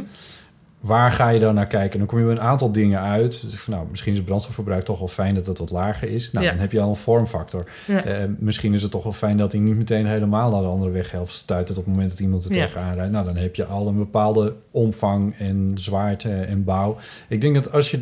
De, een vriend van me die zei wel eens... als we de auto opnieuw zouden uitvinden... zou die er niet meer uitkomen te zien zoals hij er nu uitziet. En ik denk heel vaak, ja, wel. Dan zou die er weer precies Ah, ja. zo uitkomen te zien. Ja, het maar is heel zo'n doordacht ding. Maar er zijn natuurlijk ook heel veel auto's die verkocht worden... waar bijvoorbeeld geen mensen achterin kunnen zitten. Ja, Nou, dat is, daar heeft dus ook iemand toch een keuze gemaakt van... nou goed, Ja. oké, eh, ik vind dit zo mooi, dan maar geen mensen Ja. achterin. Terwijl dit nooit in mij op zou komen... dat je niet mensen achterin zou kunnen Nee. vervoeren. nee. Dus ja, en dan zou ik misschien denken... oké, goed, dan maar minder aerodynamisch... maar dit ziet er heel mooi uit. Ja. Nou ja, Ja. goed. Ja. Er zijn veel soorten mensen. Ja, maar kijk maar vanuit een smaakperspectief is het wel heel tof dat die multiplayer er is gekomen. Hij is verguisd in de beginjaren. Nu Ja. begint het een beetje een klassieker te worden. Ik weet niet hoeveel er eigenlijk overleven, want dat, eh, dat vraagt Hij me wordt niet meer gemaakt, hè? Nee, wordt, nee al helemaal Nou, niet later meer. is hij zo Ja. gemaakt met zonder die heel quirky voorkant. Toen was hij iets normaler geworden. Ja, Oh, ja, want hij had eerst nog geloof ik een raam dat ook de hoek om ging of zo. ja, zeker. Ja. Ja, Het maar zag hij had er- zo die... Kort gezegd, Ja. zag het eruit alsof twee ontwerpers bezig waren geweest aan die auto. De een was beneden begonnen en de ander Ja, boven. en we zien wel waar we En uitkomen. we zien wel waar we uitkomen. Ja, Dat- en dan lassen we het dicht. Eh, Zo goed. Ja, Ja. precies. Overigens gaan eh, achteruitkijkspiegels verdwijnen, las ik. Echt? Ook in verband met de aerodynamica. Ja, dat klopt. Sterker Oh. nog, er is nu een, worden net een, camera's. Een Oh. elektrische Audi gepresenteerd die het voor het eerst ook echt heeft. Eh, die heeft op de plek waar de spiegel zit, zit er nu een klein uitsteekseltje met een cameraatje erin. En, op, en dan onder het raam heb je een soort beeldschermpje. En daar zie je wat het cameraatje filmt. Hmm. En ik zag een review daarvan en iemand zei van... het is wel heel tof en het is misschien de toekomst... maar ik zie geen diepte. en toen ja. dacht ik, ja, dat klopt. Want het maakt niet uit hoe je je hoofd beweegt. dat is het waar. beeld blijft hetzelfde. Terwijl Ja. als je een spiegel hebt, dan maakt het wel Dan zie je uit. het wel, ja. Dus ik weet nog niet helemaal wat dat... eh, Ja, kijk, de laatste generatie van de Fiat Multipla... die heeft niet die gekke Dit is het voorkant. dus niet Dat meer. is het nee, dus die- niet. nee, nee, Dan nee. heb je maar er die oude, aan. daar hebben we het over. Ja, dan, ja natuurlijk. Maar dat is zou- een soort vogel, vogelbek Ja. dier van een auto, inderdaad. In onze, Zal ik even in Nissan-busje onze, ook opzoeken? in onze eigen tijd gaan we even kijken wat de prijzen zijn van die auto's tegenwoordig. En of dat inderdaad ook blijkt dat mensen nu dus meer waarderen en dat we dat ook financieel terugzien. Zullen we verder met eh, een volgend Ja. berichtje? Ja, dat is goed. Ik la- ondertussen laat ik dan even het Nissan-busje zien eh, als, ik daar, eh, als ik hem heb gevonden. Ja, ja, precies. Nee, dat is goed. Een berichtje Tros op wielen. over awkward mini-coming out. Yay. Ons favoriete onderwerp. Eerst eh Jos met maar weer de waarschuwing dat er weer een dode broer in eh, voorkomt. Hoi, met Jos. Ehm, ik wilde even inhaken voor de honderdste keer, want dat heeft- hebben we nog niet genoeg gedaan eh, op de mini-coming out. Coming out. Ehm, mijn geaardheid, dat is een, geen ding, want dat weet over het algemeen iemand. Dus dat is voor mij ook niet de mini-coming out. Maar die voor mij is het hebben van een dode broer. Ik was eh, afgelopen weekend, nou dat is vandaag, vandaag, maar als jullie het afspelen, vorige week waarschijnlijk, Nou, eh, bij mijn, nog, ja, voor de tweede sorry. keer bij mijn schoonfamilie. En mijn schoonzus, zo heet dat dan, die eh, vroeg, eh, want ik had het over mijn zussen, die vroeg, en heb je nog meer zussen of, eh, en broers? Eh, en dan moet je dus heel ongemakkelijk gaan zeggen, nee, ja, ik heb twee zussen en ik had een broer. En dan, dan probeer ik het nog voorzichtig te brengen. En dan komt de vraag, oh, waar is die aan overleden? En dan kun je lekker de zelfmoord erin rammen. Maar dat is dus heel lastig, want ik kan er heel makkelijk over praten. Want het is vier jaar geleden en als iemand dan vraagt, dan krijg ik er niet emoties bij. Dat gebeurt op andere momenten. Maar het is voor de ander juist zo ontzettend ongemakkelijk. En omdat de ander er dan zo ongemakkelijk van wordt, die heeft dan zoiets van, oh nee, ik heb je nagevraagd, hoe kun je hier eigenlijk wel naar vragen? Word ik er ook weer ongemakkelijk van? Nou, die wilde ik toch even kwijt over de mini-comings out. Dat die er dus ook zijn eh, buiten geaardheden om. Kijk, en als we dan doorgaan, kan ik ook nog een mini-coming out maken over mijn autisme. Maar dat doen we de volgende keer. Ehm, het feitje van vandaag wat ik wil mededelen. Ik heb bij mijn nicht gewoond met een baby-nichtje. Ehm, en die dronk altijd eh, melk met thee. En dat noemden we thee. Dus dat, elke keer zij thee wil, zingen we jullie deuntje. Terwijl ze nog nooit eh, jullie podcast hebben geluisterd van thee, thee, thee, thee, thee. Dus er is een tweejarige peuter ergens in Nederland die dat deuntje mee kan zingen zonder ooit jullie podcast geluisterd te hebben. Hmm. Ik denk dat het eh, voor haar ontwikkeling beter is als ik daar nog ook nog maar even mee wacht met die te laten horen.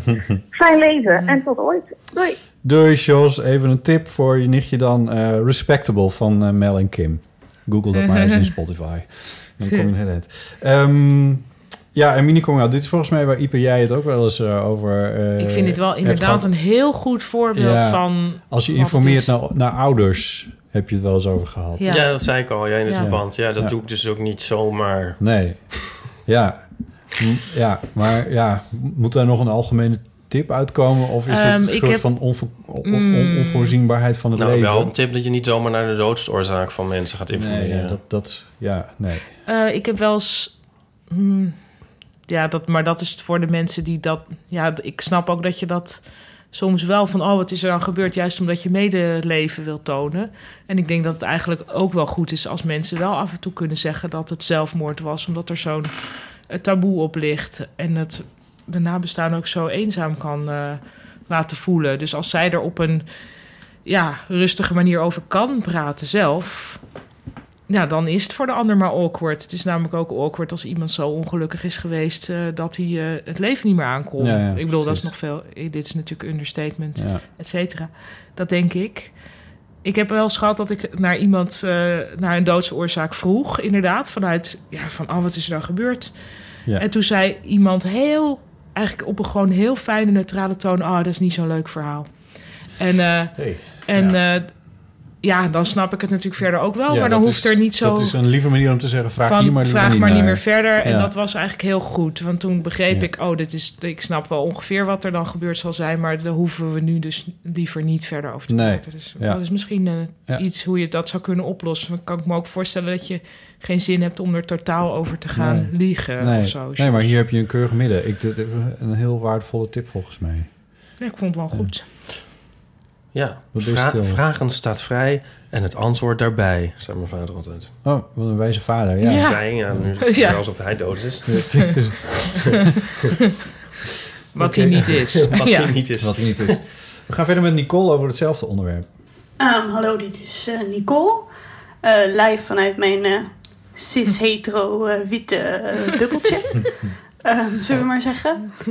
Ehm, ja, ik bel eventjes over een eh, mini-coming-out. eh, zoals, eh, ja, ik denk dat Bram de Wijs dat was, ze noemt. Ehm, Nee, ehm, ik zat zeg maar aan het andere eind van die mini-coming-out. Het ging namelijk om mijn collega. Een paar jaar geleden kwam ik nieuw werken op de school waar ik nu werk. En hij ging echt heel nadrukkelijk over zijn man beginnen tegen mij. En dat vond ik een beetje, ja, toch wel een beetje apart. Want ik dacht, waarom ga je nou zo nadrukkelijk dat benoemen? Dat snapte ik toen niet. Eh, later legde hij aan mij uit dat dat kwam omdat een collega op zijn eh, vorige school eh, heel erg eh, verliefd op hem was geworden. En hij had het toen heel lastig gevonden, eh, heel die situatie. Maar ook om te moeten zeggen van ja, sorry. eh, Je had sowieso maar, geen kans gemaakt. Ik val niet op vrouwen. dus vandaar dat hij dat heel expliciet eh, wilde melden, zeg maar. Eh, dan dacht ik ook meteen van, eh, denk jij dat ik jou misschien Ja. leuk vind of zo? Dus ik vond het toch ook wel weer eh, op zichzelf al een beetje ongemakkelijk. Maar goed, Aanmatigend. ik ben benieuwd of jullie daar wel eens mee te maken hebben gehad. En ja, of je dat dan ook zo zou doen, zeg maar. Oh ja. Ehm, nou, ehm, ik geniet altijd heel erg van jullie eh, podcasts. En ik moet altijd heel erg lachen. En ik zou wel op twintig dingen willen reageren. Eh, maar dat kan nou eenmaal niet. Ehm, dus ik wil het graag eh, hierbij laten. Dankjewel. Oké, dankjewel Nicole. Als ik mijn man ter sprake breng, dan denken ze gelijk dat ik een trio wil. Ja, ja. De, de, de- ja, dit is wel... De, deze collega die was wel een beetje in your face met alles dan misschien... eh, Ik zou het ook, ik vind het heel raar om dat nou als reden te, te gaan geven, toch? ik bedoel, als Ja. hij nou de indruk had gekregen van die vrouw vindt mij leuk. Ja, ik bedoel, dat, dat heeft dan toch zijn verloop. ja, Als zij zich inderdaad aan zijn voeten had geworpen, dan had hij toch kunnen zeggen sowieso van, nou ja, ja. Eh, bedankt voor de aandacht, maar nee. Nee, zo te horen was dat niet aan de hand. Was dit heel Nee, maar wat ook al was hij- preemptive allemaal. Alsof je ook als hetero's onder elkaar, zou dat toch ook al heel raar zijn voor het geval dat je verliefd op me wordt? Zeg ik maar nee, vast even. Want ik ben getrouwd. Tik even met mijn ring op tafel. Ja, dat is toch heel. ik vind dat heel vreemd. Ja, De rare gast kan hij zelf niet even bellen. ja dit ligt niet aan jou, Nicole. dit is gewoon... ik vind het ook wel goed dat die hetero's een keer een koekje van eigen deeg krijgen. Nou, nee, dit is dus het koekje waar ze de hele tijd in zitten.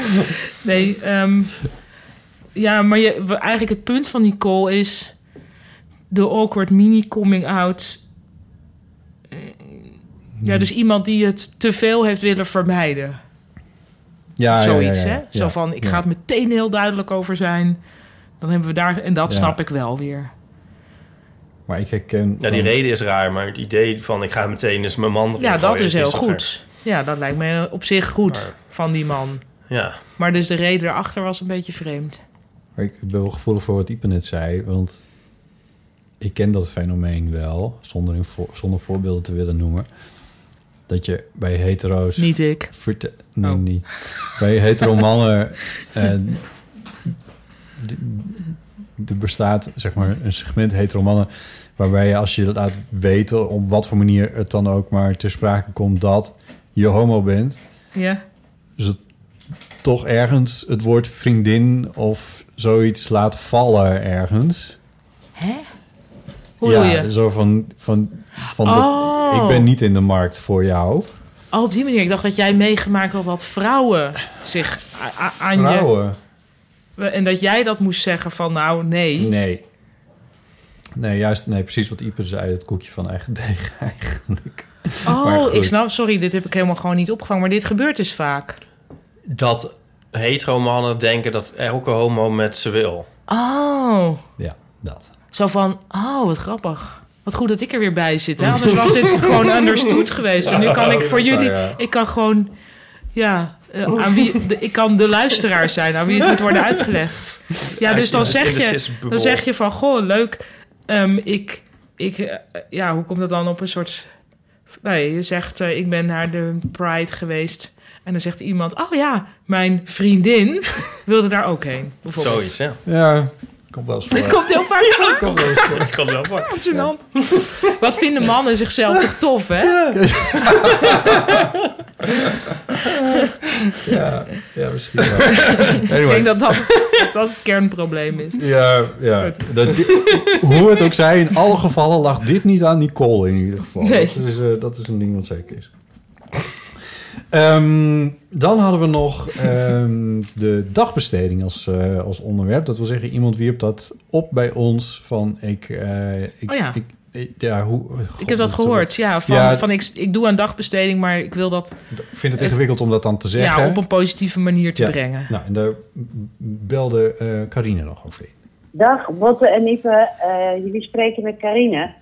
Ik eh, wou nog even terugkomen op een ehm, kwestie die al een paar keer is voorbijgekomen. En misschien hadden jullie het al lang afgesloten, maar het zat nog steeds in mijn hoofd. Eh, namelijk over wat zeg je als iemand vraagt: wat doe jij? Ehm, en dat ging dan over die dame die op de dagbesteding zat. En eh, over die dame die eigenlijk het niet zou weten wat iedereen zijn drijfveren waren. Ja, ik heb misschien eh, een tip op dat gebied. Want wat ik doe.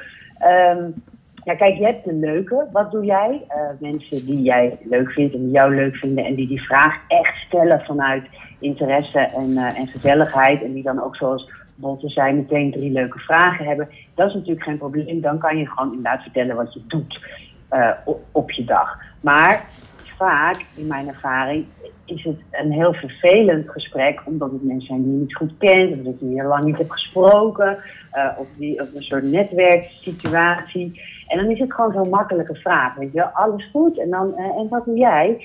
Eh, en als ik daar geen zin in heb, ehm, vooral als ik het gevoel heb van, oh, dit is iemand die even wil checken, ja, ja, staan, hoe verhouden wij ons tot elkaar op de maatschappelijke ladder? Dat vind ik altijd een beetje vervelend. En dan ga ik dus, ehm, dan, dan gaat het naar mijn idee, wordt het dan geen leuk gesprek. Dat is natuurlijk heel, maar heel subjectief. Maar dan, wat ik dan doe, is dat ik heel snel een afslag neem. Dus ik zeg dan, eh, eh, ja, ik, ik werk in Hilversum, of ja, ik ben radiomaker, dus ik zeg wel iets. Maar dan ga ik heel snel, ga ik gewoon een, een dwarsstraat in en zeg ja, ik zat dus vanmiddag in de trein. En we gingen naast iemand een patatje zitten eten. Nou, ik vond het echt zo heftig. En. Ehm, of eh, eh, ja, eh, nou ja, ik werk dus in Hilversum en ik was aan het, daar op de fiets en, en mijn band ging lek. En toen bleek dat ik gewoon helemaal niet meer weet hoe je een band moet plakken. Super onhandig. Nou, ik ga dus vrij snel naar een anekdote en daar ga ik dan ook flink op door. Ehm, en in mijn ervaring heb je dan een veel leuker gesprek. leer je elkaar ook veel beter kennen. Ja, dat is een heel lang verhaal. Ik hoop dat dit eh, een tip is. Oké, dag. Dankjewel, Carine. Ik denk dat je daar wel heel goed in moet zijn... in het kiezen van die eh, anekdotes. Nou, je kan dezelfde natuurlijk re- recyclen. Ja, ja. Maar ik denk dat je dat alleen moet doen bij mensen... Want als het toch al een vervelend iemand is... zou ik daar niet anekdotes gaan, aan gaan besteden. Nee, nee. Maar wat, wat ik... Want, een beetje wat- zuinig zijn met je anekdotes, ja, Karin. ja, maar dat deflecten begrijp ik wel heel goed. Want... eh, Die wat? Nou, deflecting. Ja, dat, Oh, deflecting. De afslag Ja. nemen. Oh, hoe noemen Ik ze dacht, een, Dwar- ik dacht een vlekte. Een soort Nee, sorry, dwarsstraat een vlakte nemen. met veel vlekken. Die dwarsstraat is, is in alle gevallen handig. Want als het nou een tijdje niet heel lekker loopt met je carrière... ik heb er ook zo'n periode gehad... eh, toen, en mensen vroegen dan van, wat, wat, eh, hoe gaat het, wat ben je aan het doen? Dan zorgde ik dat ik altijd een verhaal klaar had... over iets wat dan wel redelijk goed ging. Niet om de hè, met mensen Ja. met wie ik erover kon praten, dan vertelde ik wel van, nou ja, het gaat een beetje matig. Maar som- soms heb je inderdaad, zoals Carine zegt, dit, dit Ja, gaat je gewoon geen fluit aan en dit gaat Nee. alleen maar over van hoe verhouden we ons tot elkaar. Eh, en dan begon ik, had ik ook zo'n, had ik ook zulke anekdotes paraat Ja. inderdaad. Ja. Oh god, ik moest, zo, ik moet dus aansluiten naar een kerstbol. Zo direct? Ja. Wat erg van heb je anekdotes paraat? Van wat? Of wil je, kan je dat niet zeggen? Nou, nee. Oké. Maar Wat ga je dan antwoorden? dat wordt natuurlijk wel één grote... Hey, hoe gaat het met je? Wat ja, ben je aan precies. Dat waar. Ja. Ja je, bent de, ja, je bent de enige in je vak. Dat is op zich heerlijk. Het is niet van... Wat dan? Nou, ten eerste begint, begint alweer het punt dat ik natuurlijk van 90% van de mensen eigenlijk niet meer weet wie het ook weer was of hoe ze heet of, of überhaupt ze niet herkennen. Daar heb ik ook een goede voor. Dan? Ja, eh, dat is dan... eh, komt iemand en die zegt zo van... hey, Ipe! En dan moet je ook gewoon enthousiast zeggen... hey, en dan zeg je gewoon op dezelfde enthousiaste toon... help me even. hey, help me even! nee, ja, nou help me even. Zo van dan weet iemand... dan hoef je niet te zeggen... ik weet niet wie jij bent. Nou, dat ga ik natuurlijk niet zeggen daar. Nee, maar dan hoef je het ook niet te gaan uitvogelen. Dan mag iemand er zelf even. Maar tussen, tussen hier en het, en het café ga ik al iedereen op straat begroeten... uit angst dat ze misschien naar hetzelfde op weg zijn. Nou, terecht. In dat café kan ik ervan uitgaan dat iedereen... dat ik die daar hoor te kennen. En dan kan ik een soort... Ik kan het ook anders... Ik kan ook een soort... Dan zet ik een soort gezicht op van... Ik ken jou, snap je? Zo'n gezicht. Ik ga natuurlijk niet met een groot vragend gezicht daar staan... Nee, verbeeldend zo omheen staan hi. kijken. En iedereen tegen jou meteen van... ik heb een vriendin. Oh, Weet je, maar wat zijn dit wat- toch wat- erge dingen? Ja, maar het trucje wat ik wel... Als ik voor zoiets word uitgenodigd... Ja, het hangt er vanaf van de uitnodiging af, maar... Ik heb het idee dat je nu mijn truc aan mijzelf terug gaat vertellen. Oh, dat weet ik niet. Eh, maar mailtjes worden ge- soms gericht aan gerichte groepen. En voordat ik naar zulke bijeenkomsten ga... dan lees ik nog eventjes de Wie er hele... komen? hardop wie er, wie daar Oh, wie er zijn uitgenodigd in, de- Oh, in de ja. mailheader. En dan, en dan weet ik het misschien niet helemaal precies meer. Maar, dan, Oh, ja. maar, Oh, maar soms klikt het dan weer net iets makkelijker dan... Oh, echt? eh, Ja, het is helemaal niet zo gek. hè. Je moet ja, ik ga dan. Ik, ik, ik probeer altijd als eerste te zijn. En dan moet iedereen een soort van op jou afkomen. En dan kan je ook zo horen. Ja, en dan kan je horen. Ja, maar, nee, maar het ergste is als je daar, als er al 30 man staat, ook nog half aangeschoten.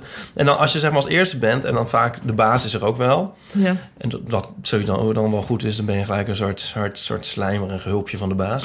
Goed. Maar dan, en dan, oh dat ik dit allemaal het openbaar zeg. Maar dan Ja. komt zo, zeg maar, de volgende binnen. En dan zegt de baas tegen diegene: Ken je Ipe al? Nee, maar Oh. van Hey, Karel!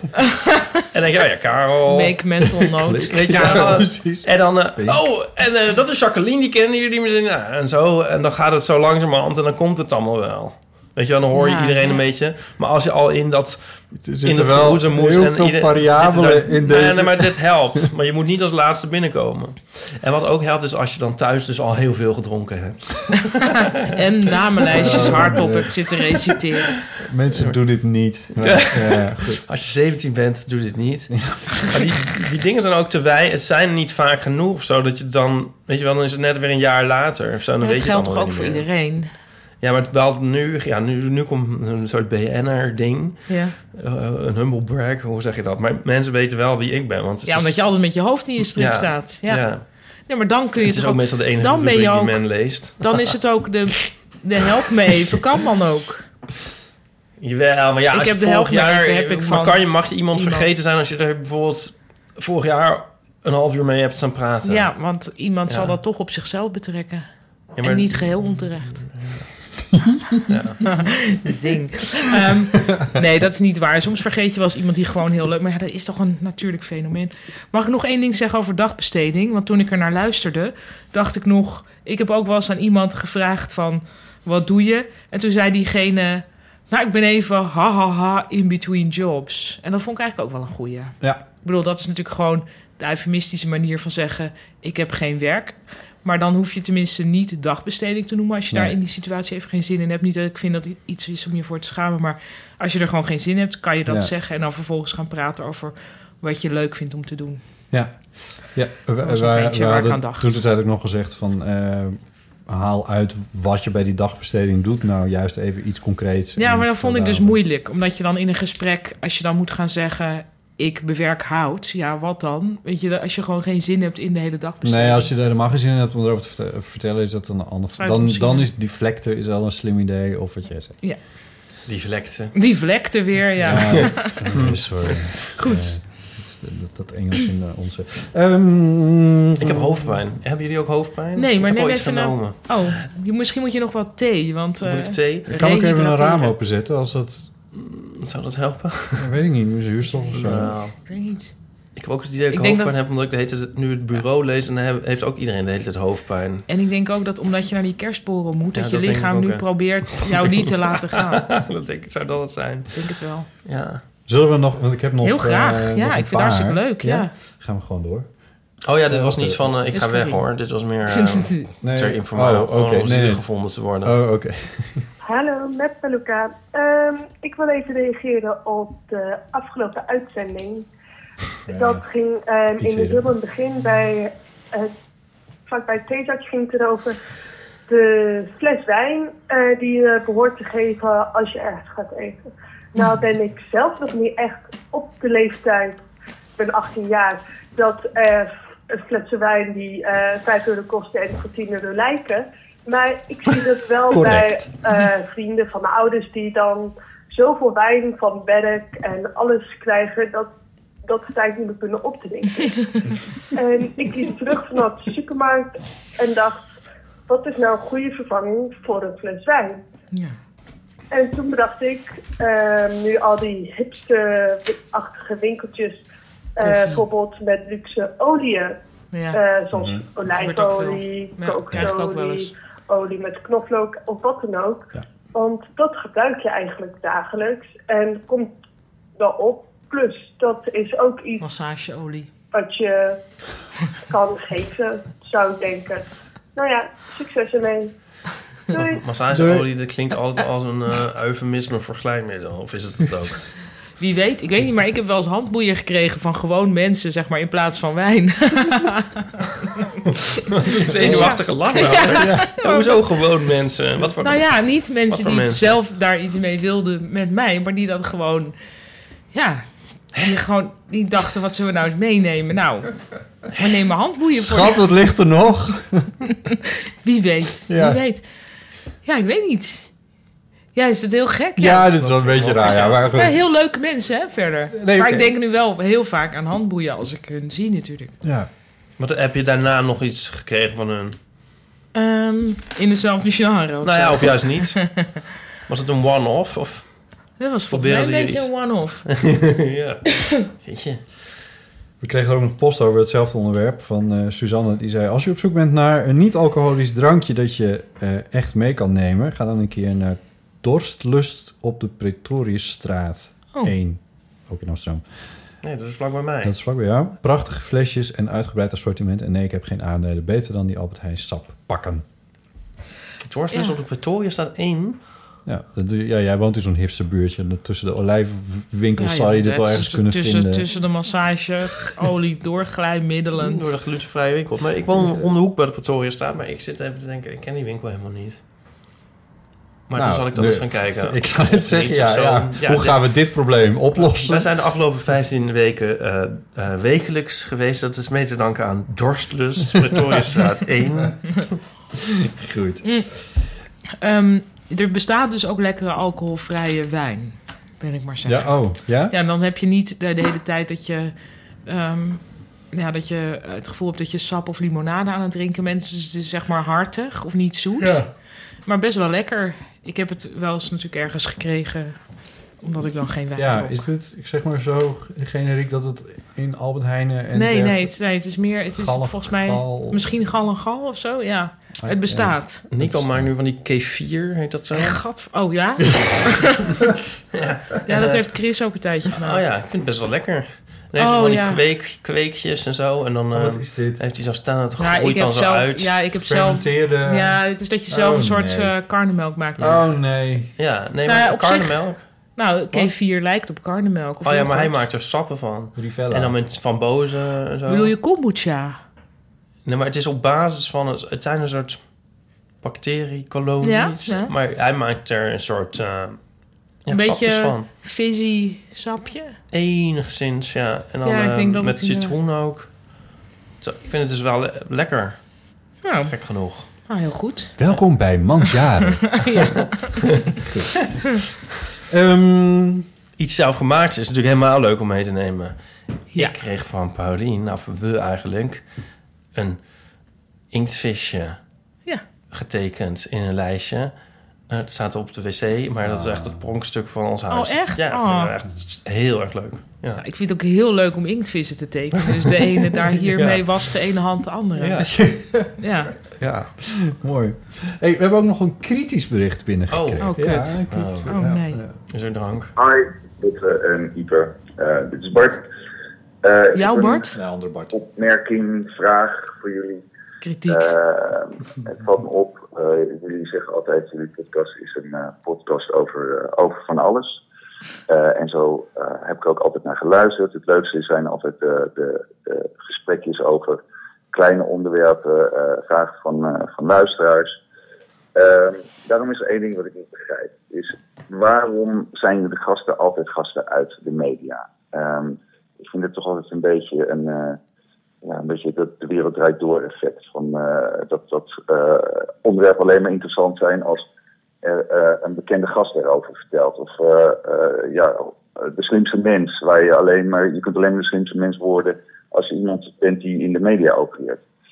Ehm, en het valt mij altijd op dat, zoals vorige week met uh, Janine dat denk ik het eerste, eerste gedeelte denk ik, ja, gewoon leuk interview, maar het wordt pas leuk als er, eh, als er over topics wordt gesproken eh, die niet per se over haar maar waar ze wel in mee kunnen praten.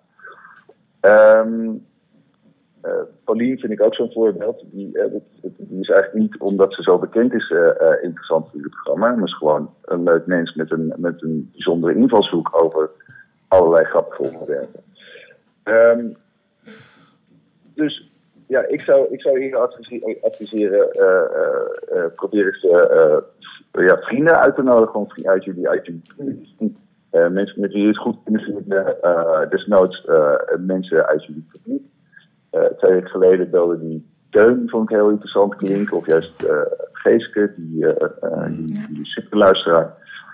Ehm, het brengt me ook wel een beetje meteen op, de, op, de, op de vraag, eh daar wil ik er mee afsluiten. Ehm, hebben mensen die niet in de media acteren misschien ook helemaal geen zin om op de voorgrond te treden? Ofwel, en dan omgedraaid, eh, heb je toch een zekere zucht naar aandacht nodig om je in de media te krijgen. Ehm, goed, dus een beetje kritiek, eh, eh, maar ook gewoon een, eh, een, een steuntje. Eh, leuke podcast, ik ga zo door. Dankjewel, Bart. Ehm, het is een Interessante beetje, kwesties. Het is een interessante kwestie. Ik wil er een paar dingen over zeggen. Dat het om te beginnen een beetje ingewikkeld is om hier op te reflecteren. Omdat wij mens, nou eenmaal mensen uit de media eh, zijn. Dus het is een beetje lastig om ons hier Al onze vrienden zijn beroemd. te verdedigen. Laat onverlet dat ik gasten als eh, Mark van Oosterdorp, eh Lucky Fons III, eh, Edward van der Vendel... niet noodzakelijkerwijs nou per se...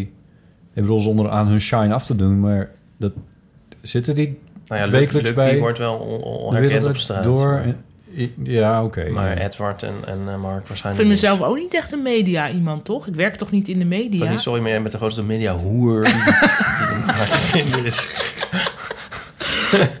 Je staat drie keer in de week voor op de Volkskrant. Ja, maar niet echt natuurlijk. Je zit Nou ja. één keer in de maand met de wereld Nee, dat door. niet- Ja, dat al helemaal niet. Nee, ja.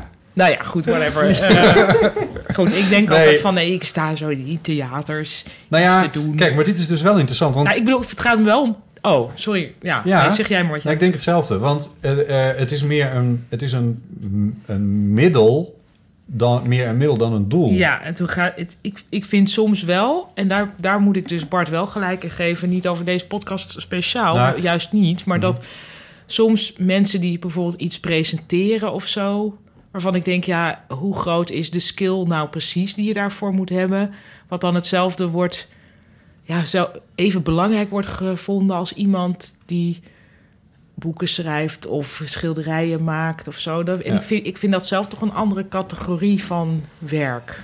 Ja, ben je, een, een werk, ben je creatief? Maak je creatieve dingen en vindt dat nou eenmaal zijn uitweg in de media? Ja. Of ben je eh, iemand die in de media dat faciliteert? Zoiets, ja. Dus ben je Ja. een creator of een facilitator? Ja, ik vind dat wel een verschil, inderdaad. Ja, Of Ehm, ben je die vlekte? Ja, ja. Eh, ik denk dat ik wel snap waar Bart op aansloeg, namelijk op Janine. Die, Ik heb die nog niet gehoord overigens, dus ik kan daar inhoudelijk niet over. nee, eh, eh, heel leuke uitzending, kan ik van Ja. harte aanbevelen. Nee, maar we, ja. Maar zij is, zo, zij is natuurlijk best wel bekend en veel gevraagd iemand om op te treden in de media, hoewel ze dat volgens mij nauwelijks doet. Ja. Maar ik vind haar ook een creator, omdat Ja. zij, eh, ehm, eh, nou ja, bij Zondag met Lubach is zij, is zij achter de schermen gewoon een hele grote. eh, Mhm. Ze is gewoon eh, de, de eindredacteur daar, dus zij, zij maakt inhoudelijk dat programma. En dat doet ze met heel veel meer dingen. Dat vind ik toch wat anders dan... Bedoel, ze heeft grote bekendheid overgehouden aan Wie is de Mol en aan eh, Zomergasten. Zomergasten natuurlijk. Eh, waar ze presentator is. Wat ze trouwens fantastisch doet. Maar ik vind haar toch wel een, een in, in de creatie segment. Ja, maar het is wel zo dat, dat ik, dat vind ik ook, dat bij talkshows dat er vaak heel veel belang wordt gehecht bijvoorbeeld aan iemand die dus een nieuw tv-programma heeft. Van goh, eh, meneer X, jij Ja. presenteert nu de komende vier weken een programma over Japan. lichaamshaar. Nou, of Japan. ik, zou, ik kan absoluut ook. Terwijl je, ehm, ik bedoel, ik krijg daar veel aandacht mee.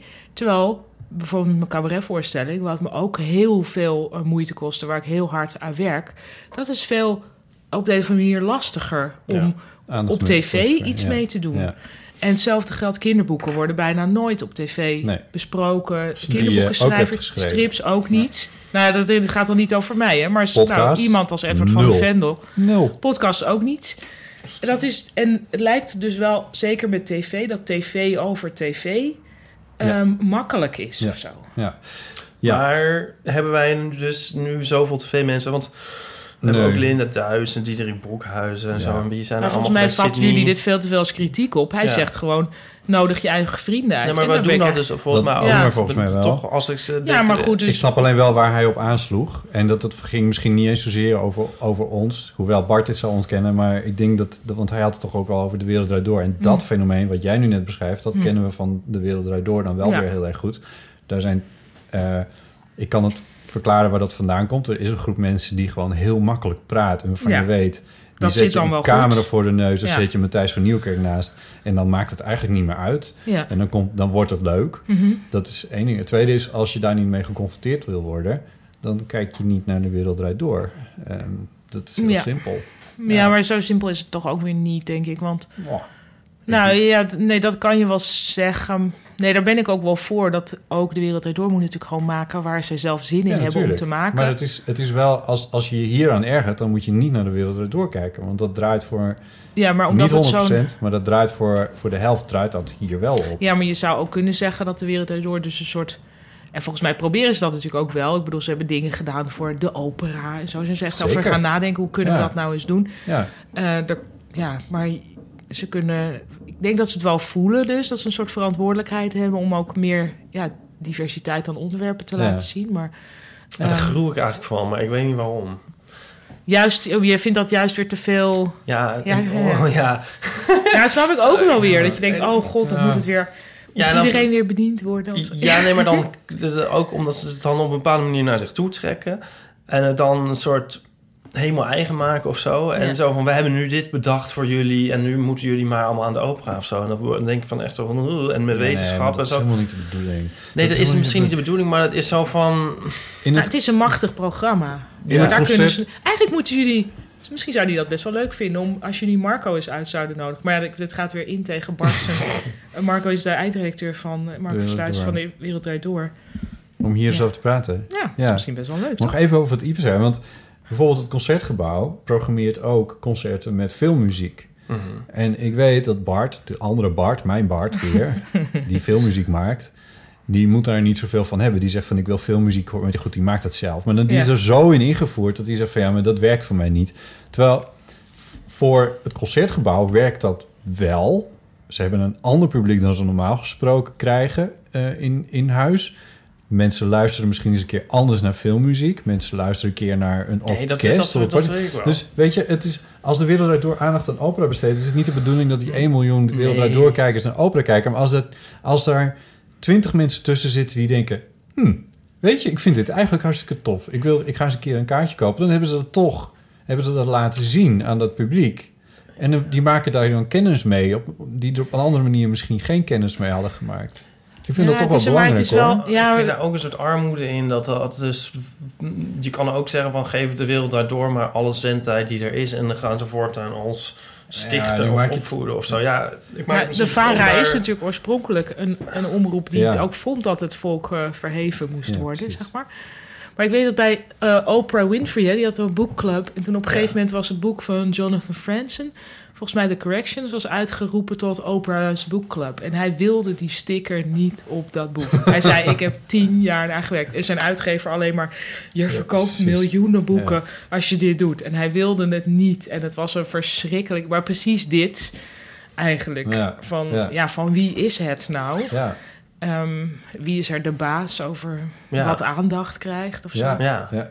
Ja. ja. Eh, ja het, het zijn ik begrijp wel de goede bedoelingen en misschien zelfs het goede effect, maar het stuit mij En ook het enthousiasme vanuit de- zo'n redactie die gaat denken... oh wauw, we gaan dit doen. Het, Ja. ja.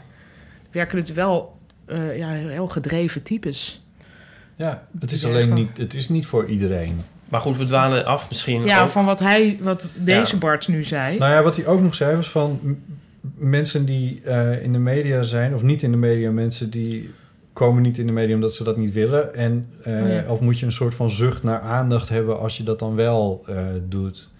Ik wa- wantrouwen wel mensen die zeggen dat het voor hun niet hoeft, terwijl ze dan natuurlijk de hele tijd... Sorry. Voor mij hoeft Kijk, het Voor mij hoeft het niet. Eh, zoals eh, een bepaalde Engelse band ooit zong in het nummer How Can You Expect to Be Taken Seriously? Baby.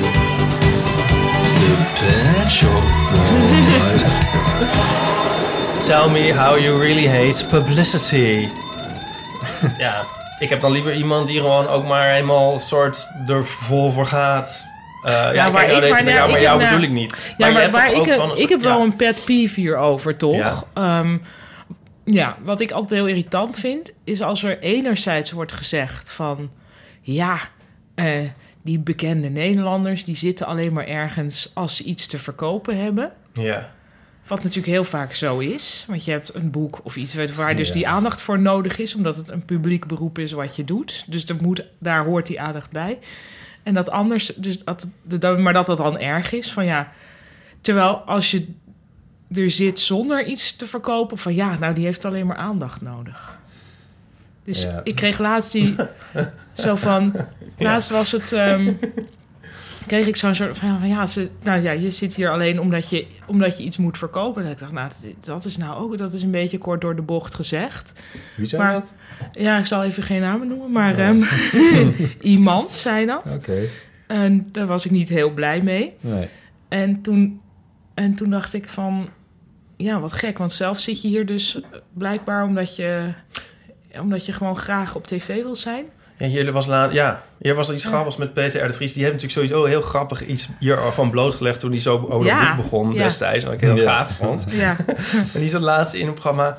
Ehm, maar waar was dat nou? En toen... Bij Jensen volgens Ja, mij. Jensen. Was het bij Jensen? Sander Donkers, mijn collega bij de Volkskrant... die streef daar een stukje over. Ja. Dat, Want dat, dat, dat, het, maar dat, dat hij had gezegd van... ja, maar jij nodigt mij nu toch ook uit? Ja. Ja, maar sterker nog dat ze echt hem een soort hadden gesmeekt om te komen. Ja. Ja. Ja, en dan was hij daar van, nou, oeh, je moet zoveel aandacht, waar moet je toch de hele tijd op tv? Nee, maar ook Ja, volgens maar mij... dit was dat een ander waar. programma, dit was een Ja. ander programma. Oh, ja. oké. ja, ja, maar dat, dat, ja. het is een interessant iets van waar aandacht vandaan komt. Maar volgens mij bedoelde Bart dus ook... het leukste is als jullie niet praten met gasten over van... wat is je nieuwste boek of waar ben je mee bezig? Ja. Eh, Ja, maar, juist... dat vind ik ook, Dat vind ik eigenlijk ook. Ja. Dat vind ik ook. Maar goed, dat constateerde hij zelf ook al dat dat wel redelijk goed ging toen we met Janine Ja. Verder in dat gesprek kwamen. Ik vind het ook gek om dat over te slaan of zo. Als je Ja, maar meestal moet je gewoon het eerste uur van onze podcast overslaan. en dan daarna wordt het leuk. Dat vind ik ook wel. Maar wel Maar even waarom- de eerste minuut luisteren, want daar zitten de reclames in. Of Maar je zou het ook wel kunnen overslaan. Sorry? Waarom? Je zou het toch ook wel kunnen overslaan? Ja hoor, ja. Ik bedoel, in het gesprek überhaupt. Gewoon een gast uitnodigen en zeggen... het gaat niet over je laatste boek of je current projects. ja. En gewoon meteen die eeuwofoon erin. Maar kijken soms hoe ben ik ook wel meepraat. benieuwd. Ja. Tuurlijk. Ja. Zal ik een soort... Maar het zou geen moeten. Nee, moeten het moet zijn. geen moeten zijn. Maar bij Mark van Oosterdorp zijn we het dus helemaal vergeten om überhaupt te noemen. te Ja, dat merkte ik. Dat, dat viel mij dus toch ook wel op. Dat vind ik dat er ook wel weer. Ja, dat was wel weer heel subversief, beetje ja. sorry, En al- Mark. Ik Hoe- vind, nou, noem het nu nog even. Ja. Hoe heet dat boek? U als Koop het nieuwste boek van Mark van. Oosterdorp. Oh, wat Met- erg. Met één P. Ik heb hem trouwens gemaild hè, met excuses. Hoe heet het? Het is iets met u als belediging, zo- zoiets. Door- Nou, dat, daar Het is ook niet mensen... alsof hij heel veel exemplaren had meegenomen voor de redactie. Oh, waar staat dit, jongens? Bescheiden man. Ja, dit is een blog, dus dat schiet ook niet op. Even kijken, books. E-books. Nieuws of zo? Misschien. Nee, nee, dat is het ook niet. Het is het niet. Oh, God. Misschien moet je Boek. googlen boek het- Mark van Is het Twitter? Is een eerste... Nee. Nee, ook niet. Van Oostendorp.nl. Van Oostendorp.nl. Punt .net. Sorry, net. Maar is het persoonlijk? Is het books? Ja? Komen er wel hoor. Nou, je gaat het nu hem weer aanwrijven. Grap en wijn, volgehouden. Nee. De Dat is niet zijn laatste. Oh. U als scheldwoord, daar staat het. Dat U zijn- als dat is- scheldwoord. Het staat als tweede. Ja, er staat wel een heel grote nieuw, nieuw dinges. Ja, er staat, die splash die staat ook U op... als U als scheldwoord en en andere andere taalverschijnselen. Nou, Goed. Koop dat boek. Koop dat boek. Daarvoor zat hij er namelijk. Anders had je hem hier echt niet gezien. Oh god. maar Ja, is het ook niet grappig met die ehm en de BN'er-dom... dat het een soort... ehm, niks meer is of zo? Het is ook niks. Toch? Eh, wel Het was toch nooit iets? Nee, het was nooit iets, maar ik bedoel dat je een soort van. ehm, nu, nu, nu zijn. Nu, wie, wie ken je nog van zeg maar bekende mensen? Op- nee, niet, nou, niks. Maar vroeger Qua- wel. Of is dat dan water toen minder? Of zat je er meer in? Willem? Ruijs niveau, bekende Ja. mensen. Ah, Jos Brink. Of eh, is het omdat er zoveel zenders zijn of zo dat je daarom denkt? Gewoon omdat niemand eh, meer tv ja, kijkt. dat is Ja. natuurlijk waar. We keken, vroeger keek je naar Nederland 1 of Nederland 2. En nu kun je kiezen uit tig zenders. En dus wordt er niet meer, zijn er niet meer programma's die op zichzelf al... puur omdat je maar de keuze uit twee had... Maar ik denk zo nog groot wel worden als... Zeg maar van een nu nieuwe- met, met nieuwe- YouTubers en zo, met een ge- generatie onder ons, dat daar wel, wel degelijk, ja, dat is meer internationaal. Dus dat zijn niet BN'ers, maar meer BW'ers of zo. Bekende Nee, je hebt ook heel bekende Nederlandse YouTubers. YouTubers, schijnbaar. Maar die kan ik dan niet noemen, maar Ja. die zijn er wel. Ja, die kan ik wel Ja, noemen. wat ik dus heel tof Maar- vind. Dat er dus gewoon segmenten zijn waar... Ja, waar je niet bij... Nee, eh, zoals jij dat ontdekte van die kleuren eh, dingen. en Dat mensen groen of rood zijn of blauw. of Precies. Ik heb trouwens nog gevraagd eh, aan eh, in mijn eh, omgeving aanwezige pubers of ze eh, lekker genederlandst kenden. En ze zeiden, ja, oh nee, wij zeggen goed genederlandst. Maar ze kenden het meteen. Ah, Oh ja. ja, Zo grappig. Mooi. Dus dat Dit eh, refereert ook. aan Mark van Ja, Oostendorp. dus alles klopt weer. Ja. Dus dat is wel fijn. Hey, ja, moeten we ook niet eerlijk zijn dat wij ook dat gewoon voor de luistercijfers doen? Ja. Dat is wel een aspect wat meespeelt. onderwerp. Ik was heel blij dat... ik ben heel Nou, daar blij- spuugt Nou ja, Bart. maar Bart spuugt nu daar. Ja, maar laten we daar nou eens niet ingewikkeld over doen. De best beluisterde aflevering van de Eeuw van de Amateur zijn die waar jij, Pauline, aan meedoet. Vanwege dus dat ik niet, dat ik over- op Van jouw mensen hun problemen... hysterische bekendheid. Of omdat ik gewoon leuk reageer op mensen. huilen, huilen, helemaal alleen. Ehm, ja, goed. En als je dan een gast als Pauline hebt, of als... Nou ja, je bent eigenlijk niet. Je bent een van de founding mothers van, eh, van deze podcast. Maar eh een gast hebt als Janine... Dan Dan ben ik daar toch wel, helemaal in. Dan ben ik daar toch wel, weg. toch wel blij mee. Ja. Want ik weet dat veel mensen intrinsiek... Geen, of zeg- hoe zeg je dat? Uit, automatisch al geïnteresseerder zijn als er Janine Abrink staat... dan Ja, weet je waar ik nu dan zou, toe zou willen oproepen eigenlijk? luister vooral ook dingen waar geen bekende Nederlanders Nou, in zitten. dat. Ja. Maar ook ga eens bijvoorbeeld... eh, maak 2019 nou eens het jaar... waarin je één keer naar het theater gaat... naar iemand die je Die niet niet al kent. kent. Wat een goede tip. Ik heb natuurlijk heel lang eh, eh, met heel weinig publiek gespeeld... en wat was ik helemaal niet bekend. Nou, nu zitten die zalen best wel goed vol. Ehm, maar heel lang niet. Dus ik ben eigenlijk achteraf zo dankbaar aan al die mensen die toch toen hebben gedacht... nou, geen idee wie dit is, maar we gaan eens kijken. Ja. Dus ja, dat is, eh, dat is mijn We tip. gaan naar Pauline Cornelissen. Ja, van... eh, We zien het wel. We zien het wel. Ja, maar dat is toch te gek. Hoeveel mensen ken jij die gewoon echt denken... ik heb geen idee, ik ga wel kijken, we kunnen vanavond uit... whatever er nu in Bellevue staat, ik ga erheen. Ja. En er zijn veel van die avonden, hè? Want, Heel veel, overal in het ja, land. Ja, ja, zeker. Ik weet echt, ja, ik heb in Gouda wel eens echt weglopers gehad. Dus echt mensen die dachten van ja, dit, vond, dit, Dit wordt- dit wordt niks. Dus niks. Dit maar ja, wordt- dus ze waren toch maar gekomen. Dus het toch dankbaar. Oh, god, al wat erg ook. Ja, dat is heel erg. Maar ja, het is, ja, ik vind Ik heb het echt een neiging om je nu met terugwerkende kracht te troosten... terwijl dat niet meer Ja, nodig maar is het, nee, en bovendien moet je daar ook wel echt mee kunnen dealen. Maar Ja. ehm, het is juist, ik vind het dus achteraf juist heel goed dat die mensen dat hebben aangedurfd of zo. Dit, dat doe je toch bijna nooit. Weglopen, ja. Dat ook, maar ook komen. Je zit Ja. toch vast, Ja. tenzij je wegloopt. Dan zit je niet meer vast. Oké, ja, dat is ook wel een goeie. Ja. Bovendien heb je dan de kans dat je ineens dat je kan zeggen... Die heb die ik nog Pauline gezien. Cornelissen, die heb ik dus in 1990 nog gezien. ja. Hoe zou nou... Dit mag er ook... oh, Kunnen we hier even een knip? Nee. Knip, heel Nee. even. Ah, maar hoe zou nou die voorstelling van die Stefano Keizers zijn? Die, is- dat loopt nu heel goed. Ja, ja maar die is, die is bekend van De Slimste Mens. Ja. Oké. Maar die, ik las daar zo over... Die heel Dat is dus maar relatief, want ik heb geen idee over wie het hebt. Er wordt toch ook heel goed besproken? Ik hoor van iedereen Oh, ik had van, een- zo'n heel, een heel vernietigende recensie van Jacques D'Ancona gelezen. Het? Oh, ja, ze- ja, het is natuurlijk een beetje anti-cabaret wat hij Ja. maakt. Hè? Dus Ja. En eh, volgens mij is het gewoon voor een bepaalde groep mensen helemaal te gek. En voor anderen wat minder. Ik heb het nog niet gezien, maar ik wil het wel zien. Waar moet dit eruit? Ik heb helemaal geen zin om dit te knippen. Oh nee, dan laten we het maar in. Oké. Hè, wat hoorde ik nu? Mijn, ik, er Oh. komt iemand door mijn, eh, door mijn je- maandje heen. zegt, knip dit eruit. Waarom is mijn maandje uitgegaan? Oké, laten we naar de volgende dingen gaan. Kut iPhone. Ja. Toch? Bart is hiermee voldoende Ja, Bart, zeker. Eh, gevalideerd in zijn mening. Roost. Hallo Botte, Ipe en Paulien. Jullie vroegen om wat eh, kwesties om te bespreken in jullie podcast. En nou heb ik er We hadden er niet zoveel. over Wie is de Mol, naar aanleiding van afgelopen zomer.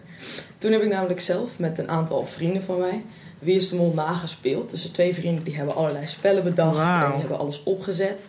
En we hebben met z'n allen in een eh, studentenhuis geslapen. En we hebben echt het hele spel nagespeeld, inclusief alle tests en alle afvallers. En het was erg leuk, maar ik merkte wel dat ik het erg lastig vond. Want ik dacht natuurlijk mijn vrienden te kennen. Maar zodra je met z'n allen zo'n spel instapt, verandert toch een heleboel.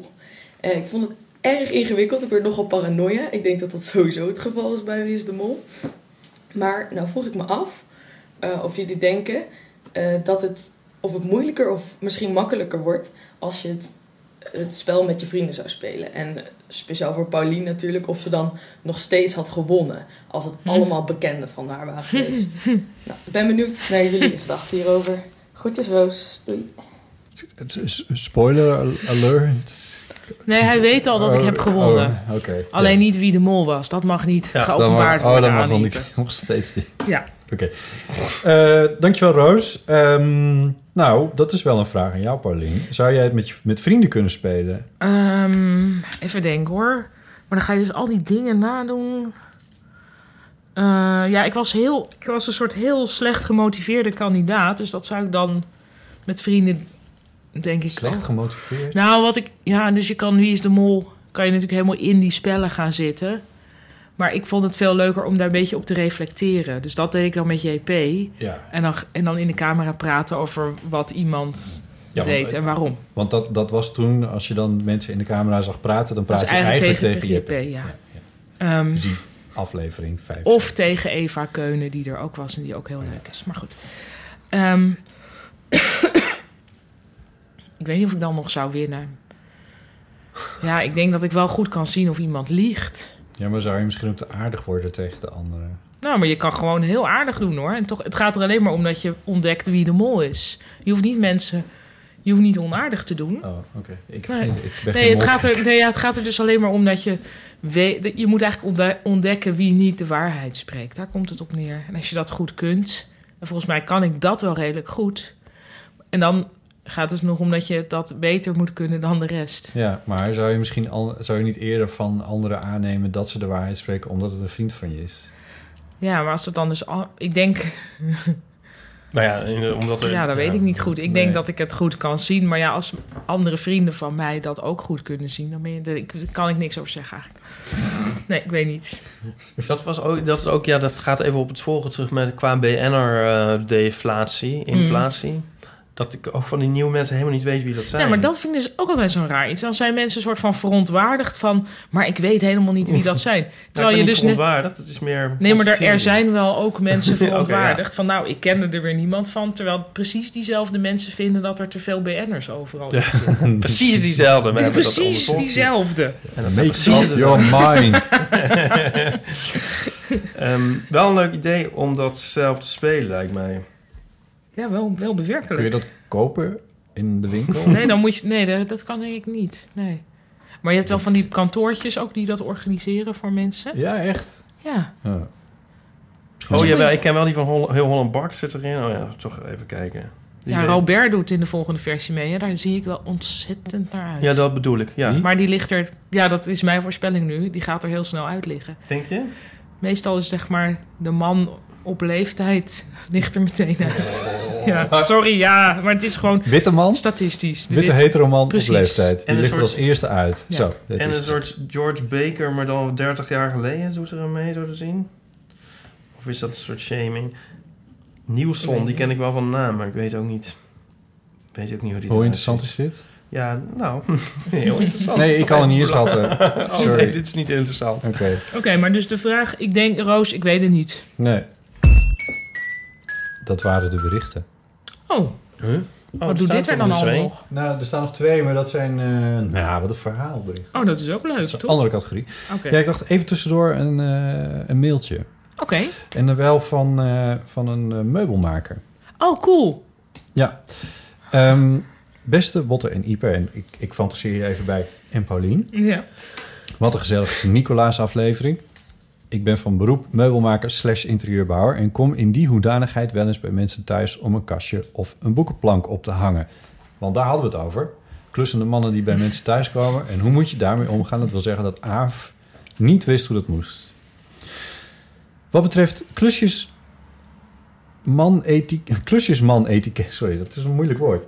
Klusjesman etiketten. Ja, dus, dus een manquette stond er ook nog weer in mijn hoofd. Maar wat betreft klusjesman etiketten kan ik eigenlijk alleen vertellen wat ik zelf fijn vind. En nu volgt een opsomming. Blijf er alsjeblieft niet naast staan. Dat is echt super vervelend. En vragen om fouten. Geef de ruimte en leid de vakman niet af.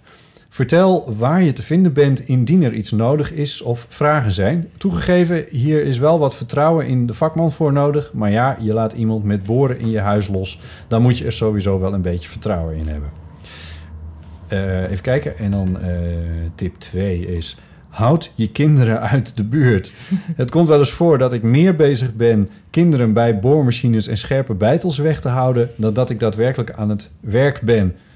Common sense voor mij, maar schijnbaar niet voor iedereen. Tip 3. Kopje koffie, altijd lekker. Behalve Senseo dan, die mag je houden. Gijs mag me altijd, de man van af, mag me bellen als er wat opgehangen moet worden. En dan een eh, knipoog smiley, want Gijs die maakt altijd complexe koffie. Eh, als je niet aan tafel wil, geef dan gewoon een kopje koffie bij het werk. Dan kun je gewoon door met je eigen werkzaamheden. En de klusjesman kan ook door als hij dat wil. En dan nog een algemene tip. Als je wil dat, het er, dat er netjes gewerkt wordt, zet dan even een stofzuiger en een vuilniszak klaar. De hint pakken de meeste mensen wel op. Dan nog een kleine rectificatie. Als Dat zou ik Pauline- nooit durven. Over, ook al zegt die man dat, dat durf ik niet. Nee, zou ik ook niet durven. Nee? Ja. Ik heb hier eentje gehad en die vroeg er zelfs om. Dus dat, Nou, eh, dan, Dan durf, ik het ook wel. Nog een kleine rectificatie. Als Paulien 50 weken keer 10 uur studeert, is ze al in een jaar klaar.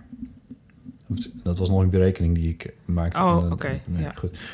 Zegt die klusjesman het ook? Ja, dat is wel van alle markten nou, thuis. Ja, hij heeft, dat kan wel redelijk rekenen. Nou ja, ja dat, hij heeft zich maar weer bewezen van die inbouwkast die past. Als hij hem kon maken. Eh, groeten van trouwe luisteraar Peter, Peter Hamers. Is dat Hamers. Ja. Oh, dat zal niet net. Ik vind naamgrappen nooit leuk, dus, eh, Echt niet? nee. Ik vind naamgrappen eigenlijk altijd leuk. maar, je zat, maar ik bedoel, hij oh, sorry, jij zat- bent het. Ja, maar ik vind hem wel leuk, ja. Oh. Dat is toch leuk, Peter Ja, dat is heel leuk. Oh, nee, dan ja, mag goed. Peter Oh, zelf zeggen of het leuk is of niet. Oké, ja. redelijk leuk.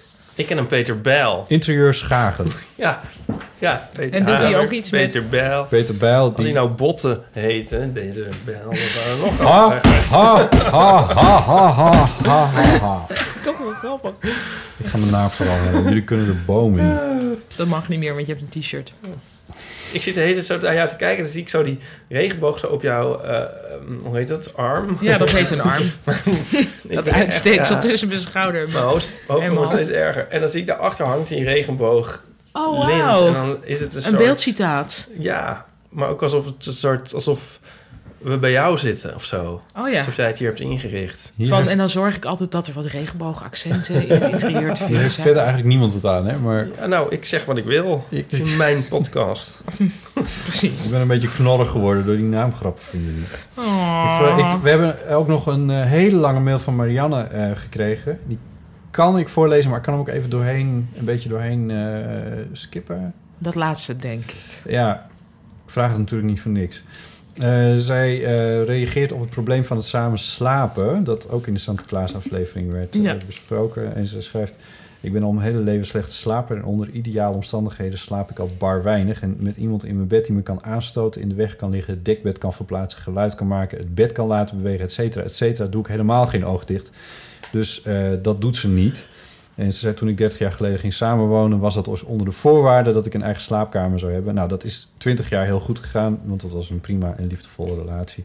Ehm, inmiddels heeft ze een andere geliefde en die is ook gewend aan, eh, aan die slaapgewoonte. En ze geeft als tip eh, een uh, Ligemo van 20 of 2 keer 90 centimeter breed, eh, zonder topdekmatras, zodat ieder goed op Ja. zijn eigen helft kan blijven. En ieder een eigen dekbed en oordoppen voor mij, geen enkel probleem. En als ik s'morgens heel vroeg wakker word, kruip ik lekker naar zijn kant. Oh, dat over de heel erg leuk? kloof. Over ja, de kloof. Ja, dus... eh, Moet wel in je huis passen. eh, ja, want dat is bij mij dan dus niet Ja. het geval. Maar Oh. goed, ja. Maar de, de, de, de, bedoeling is, eh, Ja. is super. Dankjewel Marianne daarvoor. Nou ja, eh, dit wordt de laatste keer dat we ehm, nou, wat een verhaal eh, doen. Is dat zo? Zal ik mijn tekstje gewoon even doen? Dit najaar maken we elke week een, eh, eh, een nieuwe aflevering van de Eeuw van de Amateur. Dat hebben we gedaan vanaf eh, begin september. Eh 15 weken achter elkaar elke week. En dat mode- mede mogelijk gemaakt door Storytel. Die hebben duizenden audioboeken met duizenden verhalen... die je kan beluisteren vanaf je smartphone, je tablet... of vanaf de website. En speciaal voor de Eeuw van de Amateur... en dat geldt nog steeds... kan je deze verhalen twee weken langer gratis proberen. Ga naar storytel.nl slash eeuw... en probeer dan Storytel 30 dagen gratis. En doe dat eventjes, want dan kan Storytel zien... hey, hey, adverteren, sponsoren. He, maar, he, doet ertoe. En het, het is toch gratis, dus als je nou luistert... klik dan gewoon eventjes op die link, of hoe, hoe doe je dat? Eh, storytel.nl slash eeuw. Ga daar gewoon naartoe een mailtje aan en, en, en bekijk het even of het wat voor je is. Misschien is het niks, nou dan zeg je het gewoon weer op, dat is helemaal niet erg. En als het wel zo is, dan is het heel, ook heel mooi voor Storytel... En het is mooi voor ons dat je erop hebt geklikt. Want alles wat zij binnen zien komen via storytel.nl slash eeuw... dat wordt zeg maar onder de streep opgeteld. En dan staat daar een getal en dan denken ze... Ja, Wow, nog meer ja, geld voor Eeuw die. van de amateur. Dat was nog eens een goede... Yes. Daar hadden we mee door moeten gaan. Is dit niet een beetje heel erg een kijkje achter de schermen? ja, maar dat is ook wel goed. Het is wel heel erg glasnost. We danken Storytel voor het sponsoren met onze verhalenrubriek. Nou, Wat een verhaal! Precies Paulien genoeg tijd voor een dus pepernoot. staat om een, pepernootje te eten tijdens die, eh, tijdens die tune. Ik heb twee verhalen. Eentje is eh, een beetje tussen eeuwofoon en na wat een verhaal in. En de andere is wel echt Ik vind trouwens dat nou, wat een verhaal best nog wel door mag gaan. Ja, dat vind ik ook. Nou, ik vind dat we, dat- ik vind dat, we dat, dat hebben, die hebben we voor Storytel bedacht en opgezet. Maar dat zal een eigen leven gaan leiden. En als het een eigen leven gaat leiden, vind ik dat prima. Graag. Maar ik wil het ook een soort van moment creëren nu van... Ja. Storytel Bedankt, gaat Storytel. verder, wij gaan Ja. verder. En, eh, Ja. en, en dan ronden we het ook een soort met van... En see you in court. Goed, we beginnen even met Manoy. Is iets langer verhaal, vier minuten, maar eh, heeft wel een, een leuke, spannende kwestie. Hoi Botte, Ipe en Paulien. Wat leuk dat jullie nog een soort uh, oudejaarsspecial opnemen, als ik het zo mag noemen. Ik heb een soort eeuwofoonachtige kwestie die een beetje overlapt met de rubriek Nou, wat een verhaal. Ja, heel goed. Eh, over het Ja. onderwerp dating, ook al is dat eigenlijk al een beetje afgesloten. Maar ehm, het gaat eigenlijk eh, over online presence. Ik was een paar maanden geleden in Nice voor werk in Frankrijk. En daar had ik heel leuk oogcontact op een gegeven moment eh, met een jongen op het terras.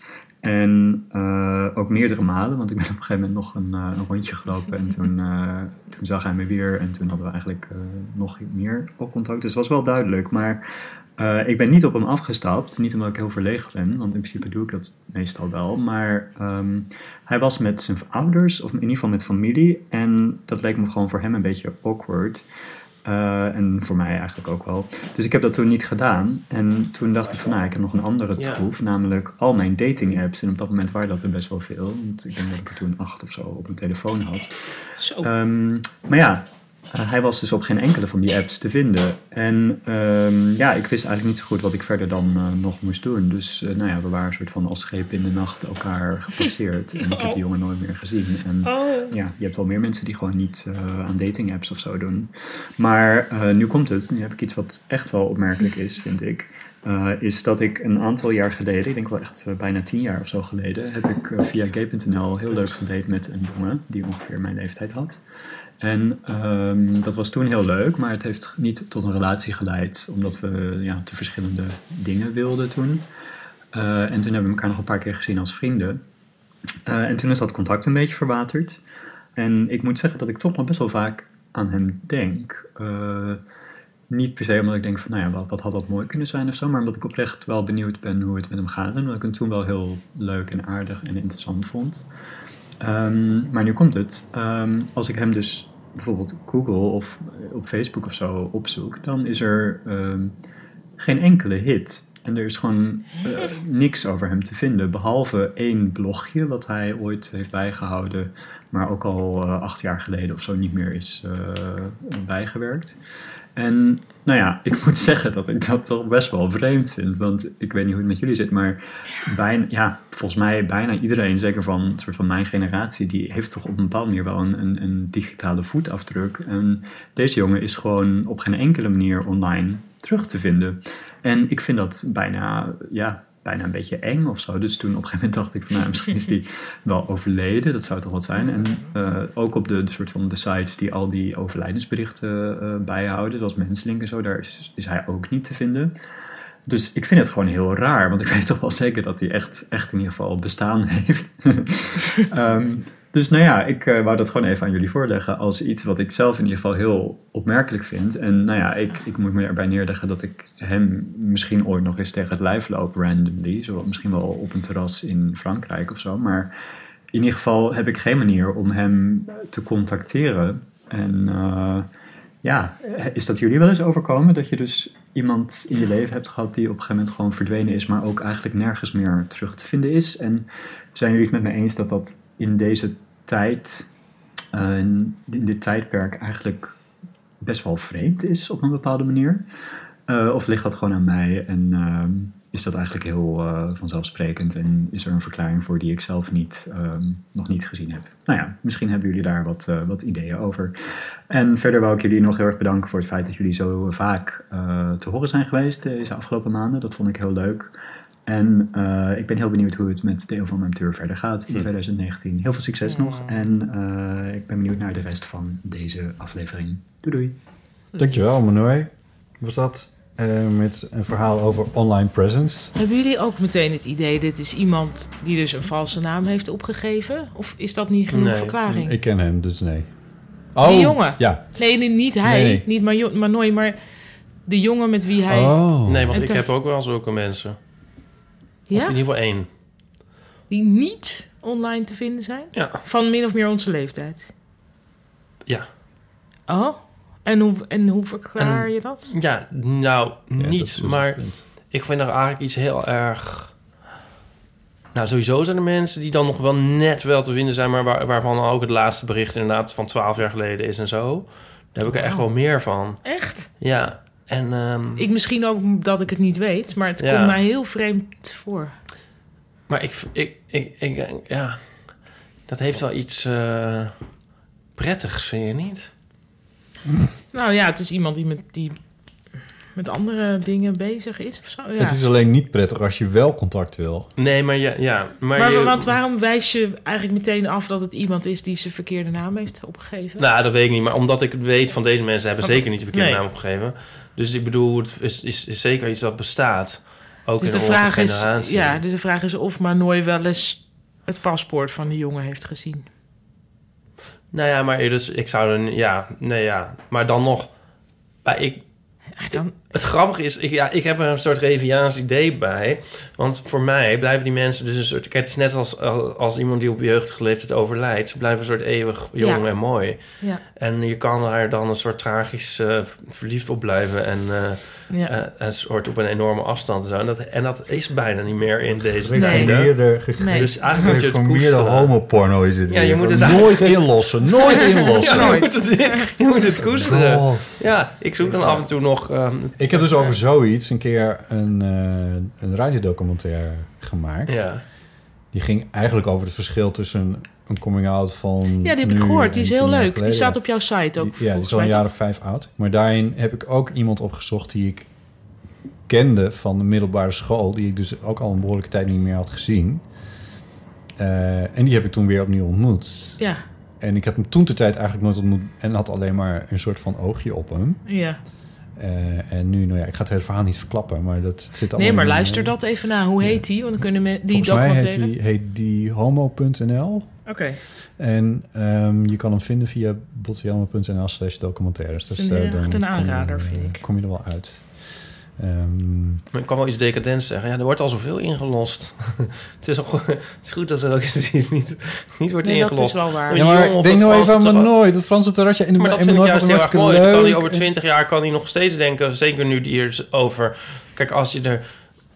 Niet, Het hoe ook- meer die erover vertelt en nadenkt... hoe, hoe groot, groter dat wordt natuurlijk... en hoe langer die mee kan, die jongen. Ja, dat is waar. Dan heb je Ja, misschien maar meer het plezier een van liefde kunnen dan... zijn. Ja, ja, maar die komt heus wel. Maar Ja, dat zeg jij. Ja, ik vind het wel wat hebben. Ik vind het wel iets. Je, je hebt dat bijna niet meer in deze tijd. Wat is er nou mooier dan een liedje dat je hoort eh, en dat je het niet op tijd shazamt en je weet het niet Ja. en het is weg Ja. en zo. Je denkt, oh, wat was dat liedje? En dat, Ja. dat is het bijna niet meer. En dan kan je op, op teren. Ik, ik ben het ook wel een beetje mee eens.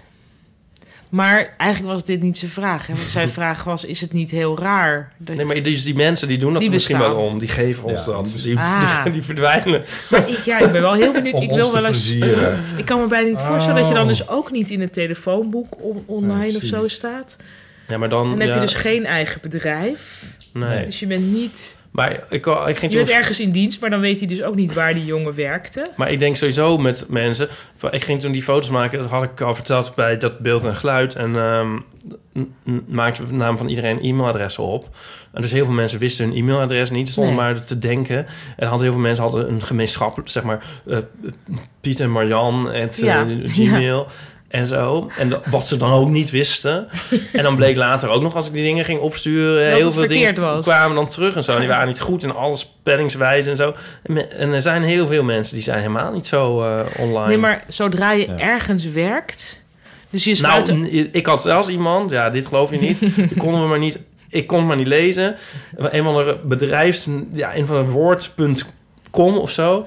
En ik probeerde wel die foto's naar die mensen toe te krijgen. Uiteindelijk bleek het, ik, ik maar googelen en doen. Die man Ja. was de directeur van een bedrijf. niet. Het was niet .com, maar .nl, zeg maar. En toen kon ik dan, zeg maar, uiteindelijk... Weet je wel, dus dan nog kan je het... Ja. Ja. Als je ergens werkt, Ja. Ja, nee, maar het dus, niet gezegd. maar dus in deze situatie, die jongen, die is dus ongooglebaar. Dus hij weet zijn voornaam en zijn achternaam.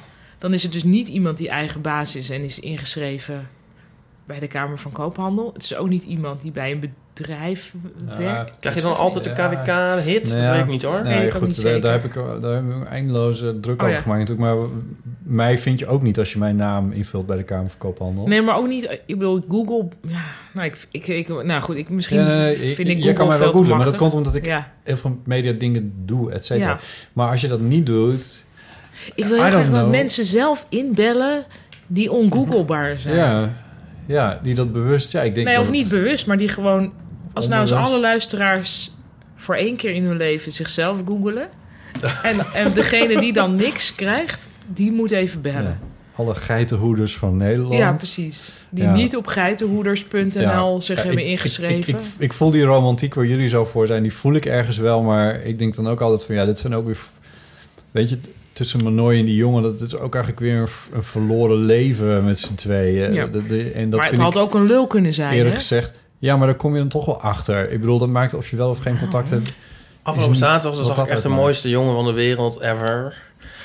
Ja, ja jij, Naast bent al, jij bent al lang binnen. Dus dat en dan is het zo van, eh, het gaat niet al, maar...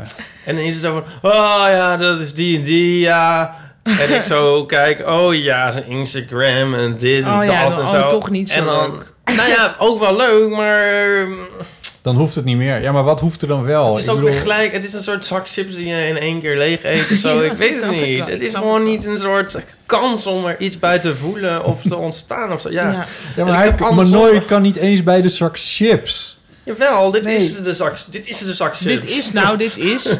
Dit is de, Ja, dus hij heeft nu een handje chips Dit is het handje chips. Hij heeft een heeft toch gezien, maar hij heeft toch dat contact gehad. Hij heeft toch die momenten gehad met die Jullie jongen. hebben zo'n gek idee van romantiek.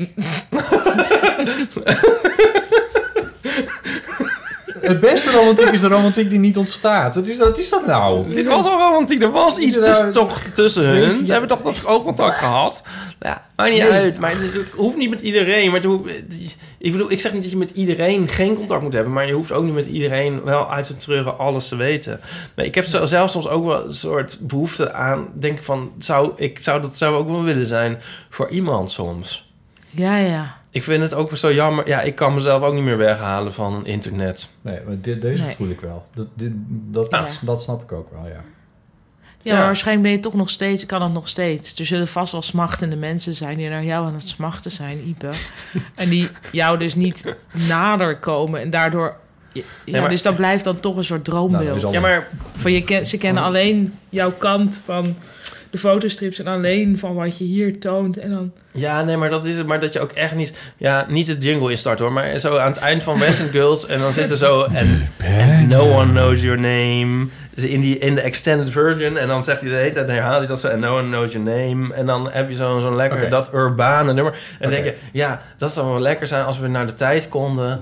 dat je het dus niet te vinden was. Iemand Ja. moest je dan aanspreken of niet. Dat Ja. was het. Of nog een keer tegenkomen. Misschien, Ja. dat kan je ook wel verwachten of zo. Maar dat, dat, dat, die tijd, dat zou, mis ik wel. Dat zou je af en toe Ja. even aan moeten kunnen zetten. Dat we weer dat even dat, dat hadden, voel hoor. ik ook wel. Ja, is het zo, was het nou ook niet laatst? Kan dat internet niet weg? Hadden we het daar niet Ja. laatst ook Ja. een keer? Oh, ja, dat- ja. Ja, maar dat is dan dus met van, af en toe en zo. Ja, dat, is, dat is dan de magic word erin. Ja. Maar Ja. nou, ik snap wel wat je zegt. Nou, Ik snap dat ook wel. Ik denk dat de vrijgezellen van de, onder onze luisteraars niet helemaal met jullie eens zijn. Nee, hoewel als je echt nadenkt over leuke... Ja, dat heel veel van wat niks is geworden... onthoud je ook wel weer heel goed, toch? Misschien wel beter. Ja. want ik dacht laatst nog te denken aan twee, mijn twee voorgaande relaties. Toen dacht ik van... eh, ja. Hoe was dat ook alweer?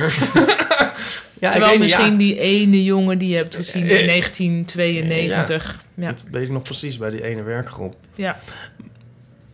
Maar ja, misschien als ik me heel erg verzet... kan ik ook wel iets van die relatie zeggen. is hoor, natuurlijk ook... maar- Ja, Leo Vrooman heeft zo wel een mooi beeld over wat eigenlijk... eh, ja, het gaat over oppervlakkigheid.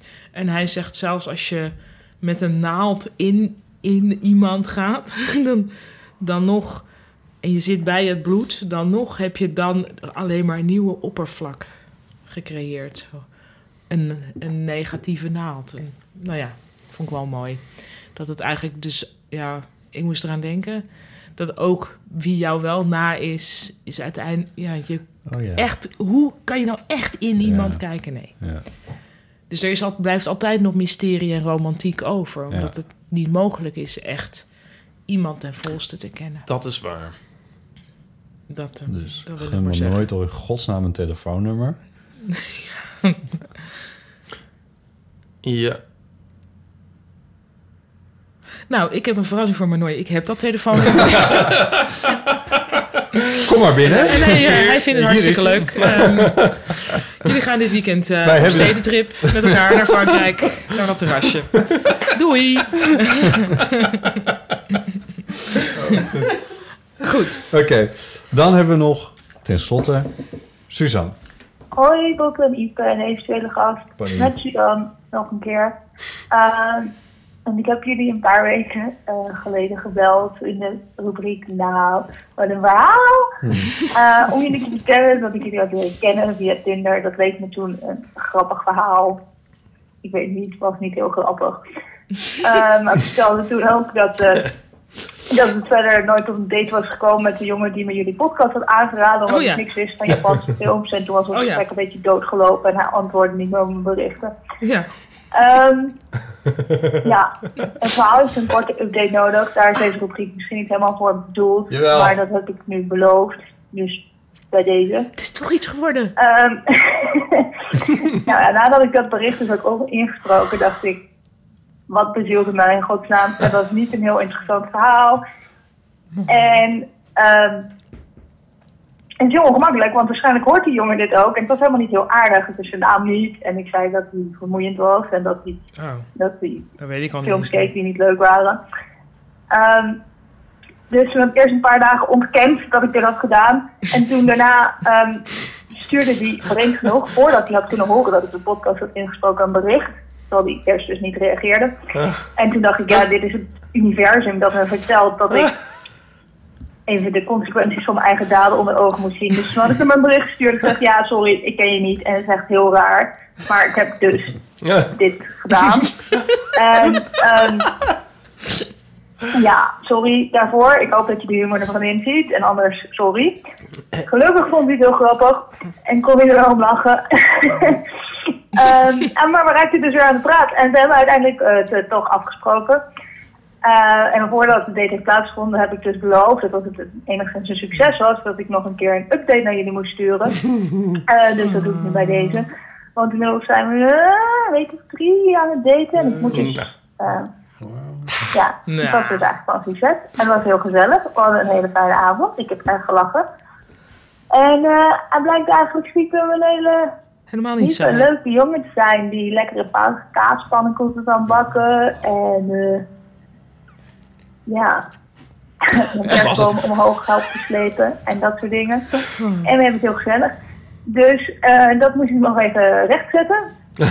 En, eh, en toch wel even jullie updaten over het gekke taartje dat het verhaal nog had gekregen. Gaat weer door met jullie podcast. Het is heerlijk om naar te luisteren. En het levert dus blijkbaar ook nog goede ontmoetingen op tussen mensen. En, en dan zou ik jullie eh, niet meer met rust laten en niet meer bellen met onnozele verhalen. Je bent nooit onnozel, Suzanne. Oké, Nou. zo was het dan. Dankjewel, Suzanne. Ik wou nog zeggen- Oh, oh, Oh. opslaan die Oh. volgende. Ja, heel spannend. Ja. Nou, wat een mooi kerstverhaal. Heel mooi. Ik had nog, toen ik dit hoorde dat ze het insprak, kreeg ik nog een idee over welke film die jongen had bedoeld. Dus als hij nu luistert, eh, was dat Akira. Goed, nou, dat was het. Oké, laat Paulien, maar. help me even. Ja, nee, ze hadden. Hij had, wist dus dingen van Japanse films. En hij was Ja. soort van helemaal geschokt dat Ja. zij die enorme klassieker Ja, niet kende. Ja. Zeg je Akira? Akira. Oh ja, ik dacht Akira. Ah, dat kan ook, want Ja. ze hebben eigenlijk een ander soort. Nou, maar Is het ook At- At- Atari? Eh, ja, eigenlijk wel. Oh. Atari. Ja, het ligt er een beetje aan. Er is een heel ingewikkeld Ja. Mitsubishi. Mitsubishi. Oh, Mitsubishi. maar goed. Ja, dat, nou ja, maar. Ja. Daar kan ik heel lang over praten, maar dat is niet interessant. Maar ik dacht dus... Dat doe je maar op televisie. Ja, precies. Nou, verklemtonen. Doe dat maar voor miljoenen kijkers. Ja. Dus dan gaan we onze publiek niet meer lastigvallen. Wat leuk, wat superleuk. We hebben gewoon een eeuw van amateurromance. Eigenlijk wel, hè? Ja. Hoe mooier kunnen we dat storytell... Dit is toch wel de beste story van, het hele, van de hele serie. Ja, en waarom, denkt, waarom wil ze ons niet meer lastigvallen? Wij willen het hele verloop van deze nee, maar relatie zij is horen. sowieso... Zij is iemand die Ze is Nee, gewoon geschrokken van... Ja, van wat dit met haar heeft gedaan. Maar cijfer jezelf niet weg, weet je. Ik Nee. bedoel, hij kan een kaaspannenkoek maken. Ja, en kerstbomen naar boven tillen. Ja, maar jij kan een, een heel leuk verhaal vertellen, Suzanne. Ja, ja. vergis je Ja, niet. toch? Dat is Ja. ook de kaaspannenkoek van het Ja, wij leven. willen updates als ze bij elkaar intrekken. Zeker, ja. en als maar- de eerste eeuw van de amateurbaby Baby, wordt ja, dat geboren. bedoel ik. Ik hoop dat ze die baby dan ook Botten botten noemen. gaan noemen. nee, doe dat niet. Jawel, doe wel. dat niet. Doe het nee, wel. nee, doe het niet. Nee. toch? Ja, miep mag, maar botten niet. Ehm, ehm, maar ik vind het een heel mooi eh, afsluiting van, eh, van deze serie. Van, eh, die we Ja. voor Storytel hebben gemaakt. En waar mensen zulke mooie verhalen hebben gestuurd. En helaas ook de allerlaatste eeuw van de amateur. Ever. We gaan de boel opheffen. Nee, dat gaan we niet doen, denk ik. Maar hoe we precies verder gaan, dat weet ik eigenlijk ook nog niet. Wat wel zo is, is dat we in ieder geval even een pauzetje nemen. Van drie jaar. Ehm, dat, het zou in ieder geval betekenen dat dit de laatste van dit jaar is. Maar dan heb je dus in de afgelopen drie weken heb je de december special gehad. Nou en of. Aaf en JP en Paulien. En Nou, we hoeven ons niet te verantwoorden. Die mensen Nee, zeg, het ga dat uit. verontschuldigen En dan heb toontje. je- en dan heb je Laten ze Janine. zelf een keer een kaaspannenkoek maken. En, en, dan heb je, en dan heb je deze aflevering er ook nog bij. Nou, als je dat alles bij elkaar optelt, dan heb je waarschijnlijk voor een jaar of drie aan podcasts. Ja. Dus eh, dat zou toch wel goed moeten komen. Ehm, Hey, jongens, kijk naar buiten. Het wordt lente. het, eh, nou, de zon is bezig weer terug te keren. Dus Ja. we hebben nog wel een wintertje te gaan, maar eh, het wordt weer wat langer licht onderhand. Dat Erger wordt het niet. Erger wordt het niet. Eh, dus we, ron- we ronden het een beetje af. Paulien, Ja. ehm, rode bioscoop, dat Ja. kan nog. eh, Rode bioscoop met twee O's en een D, dus rode bioscoop.nl. Ja, maar als je nou gewoon een Facebook, als je op Facebook Met zit L. en je hebt onze pagina al geliked, en je hebt onze pagina van de Eeuw van Amateur al geliked, google dan nog even een man met een microfoon, dan kom Oh je er ook vanzelf eh, wel uit. Ja, hoewel die zit niet meer op Facebook. Nou ja, eh, kijk even op Instagram anders. Mm, ja, er is wel een, eh, een e- evenement aangemaakt. Oh, oké, man goed. met een microfoon Ja. evenement. Dus dat is, eh, nou ja, goed, maar daar kom, je, daar kom je wel uit. Ja. Carré, 6 mei, wees erbij. Ja, Carré in Amsterdam. Dan heb je de grote show van eh Paulien Cornelissen. De dernière. De, Heet dat. De- is dat zo? De, ja, dat de heet laatste, echt zo, de dernière. Ja, de laatste van je reprise. En, Ja. dan, eh, en dan groot in, eh in Ja, Carré. ja. Natuurlijk superleuk. Ja. Is dat een maandagavond? Klopt dat? Ja, ja, Ja, dat is dus... eh, hè, ehm, ja, Ipe is alweer aan het sms'en, maar dat is zeg maar de is- omvang van mijn BN'erschap. Dat ik op een maandag... ehm, In Carré zijn. Je staat in fucking Carré, man. Ja, daarom. Ja, dus dat is super tof. Ik zeur ook niet. Koop daar ook kaartjes voor. Eh, en natuurlijk de tournee, want eh, ook voor onze Vlaamse luisteraar. Ja, In, het, in eh, januari, februari uit mijn hoofd. ja nee, januari en begin februari sta ik in Vlaanderen. Ja, ook tournee gewijs. Dus ook door de hele Ja. land. Deel, ja, deel. ja door, door, het- door het land waar ze mij verstaan. Ja, door heel Nou, Vlaanderen. waar ze mij gedeeltelijk verstaan is altijd de, Ja. ja. de conclusie. Maar goed. aan het raaskallen. Ja, ik ben aan het raaskallen. maar. Ehm, zullen we toch gewoon weer oproepen om de eeuwfoon te Ja. bellen? Oké. En ook met nou wat een verhaal. Ja, ook met nou ja, wat een vind ik toch verhaal. wel. Ja, vooral om hoe mensen het ook goed uitspreken. Ja. Met meer dan een octaaf ja. ertussen. Ik ben benieuwd hoe André van Duin het gaat doen. Nee, want dat, die gaat dat tv-programma Wat een Verhaal maken. Wat? Dat was al Oh. Ja. enige tijd geleden was dat bekend. Ja. Maar nadat wij ons rubriek hadden Oh. gelanceerd. En nu las ik daar weer een paar keer weer over. En mensen stuurden dat de hele tijd door. Ja, het zo. stond nog een keer op Mediacourant. Ja, maar... ehm, ja. En waar, dat gaat ook over mensen die iets hebben Nou, meegemaakt. ja. ja, nou ja, want echt gebeurd. Jou Ja. niet onbekend, Paulien. Ja. Eh, vind eerlijk gezegd dat ze het daar nog meer van af hebben geript dan eh, van ons. Wij hebben dan die titel, maar... eh, nou, echt gebeurd is ook maar- niet bedacht door echt gebeurd. Echt gebeurd is echt- precies. Dus, eh, maar weet je, ik Nou. las hier dus over. En wat ze doen is ze laten acteurs verhalen. Oh, hier ben ik voor zijn. gevraagd. Ja. Ah. Ja. Ja. En dan moet, je dus, Oh. dan moet er geraden worden wie, er nep, wie het nepverhaal vertelt. Echt? Of Dat is het weer iets wie, anders? Wie van de drie zit er ook nog in verweven? Nee, oh, misschien ik is dit dan iets anders waar ik voor was gevraagd. Nou ja, dit, is- het, dit is het, het concept van, eh, van wat een verhaal van André van Duin in ieder geval. Dus wat mij daarin al tegenviel, was dat het, wij hebben gewoon nog echt, ja, eh, met echt gebeurd, echte mensen met hun eigen verhaal eh, Maar hier. dit is dus gewoon een heel ander concept. Ja, dat is, zij laten het gewoon naspelen door mensen die ervoor gestudeerd hebben om verhalen te vertellen. Dat is natuurlijk eigenlijk een beetje vals spelen. Maar wij waren eerst. Wij waren eerst. Ehm, maar bel naar de Eeuwfoon. Kijk, 06 1990 68. 71. En dan kun je alles nog kwijt. We bewaren het netjes tot onze eerste uitzending, eerste aflevering in januari. Op iTunes kun je ook reageren. Dus mocht je iets willen schrijven over onze eh, afleveringen, doe dat dan vooral op iTunes. Daar hebben andere mensen ook nog wat aan en het is voor ons heel fijn. Ehm, dus daar kun je eh, ja, korte reacties, recensies, dat soort dingen kun je daar achterlaten. Wil je nou meeschrijven aan de website van de Eeuw van de Amateur, dan kan dat ook. We hebben een eigen show notes wiki bedacht en gemaakt door Nico Naus, waar je als luisteraar een bijdrage kan leveren aan het archief van de Eeuw van de Amateur. Dus daar kun, kun je je show notes. Ik snap alleen niet hoe die werkt, maar ik wil, ik wil het er wat opzetten, maar ik snap dat, het niet. eh, dat is alleen maar een aansporing. Wel fijn die onduidelijke dingen in het leven. Hè? Ja, en je zal dat- het ook nooit snappen. dit, dit is bedoeld voor de mensen, dus de mensen kunnen hier uitkomen. Daar ben ik, eh, ben ik wel van overtuigd. Als het je een beetje interesseert, Ipe Driessen, dan kom je hier wel uit. Ehm, dan rest mij eigenlijk niks anders meer dan, Paulien, jou hartelijk te bedanken dat je er was. Dankjewel, Botte. Dat En Iep mocht ook. zijn. Hartelijk bedankt. Ja, ook bedankt, Botten. En mensen die hier nog, naar luisteren in het oude jaar 19... 19 19 2018. 1918. Het is alweer bijna 19 2019. wens ik nog heel fijne feestdagen. Bijna 2K19. En mensen die, zoals het met onze vorige kerstaflevering is gegaan, oudejaarsaflevering is gegaan, nog tot diep in de zomer dat aan het downloaden zijn. Oh ja. wens ik een heel fijne zomer. Goed, tot snel. Dankjewel. Doei. lot like Christmas. Soon the bells will start, and the thing that will make them ring. Is the carol that you sing right within? Your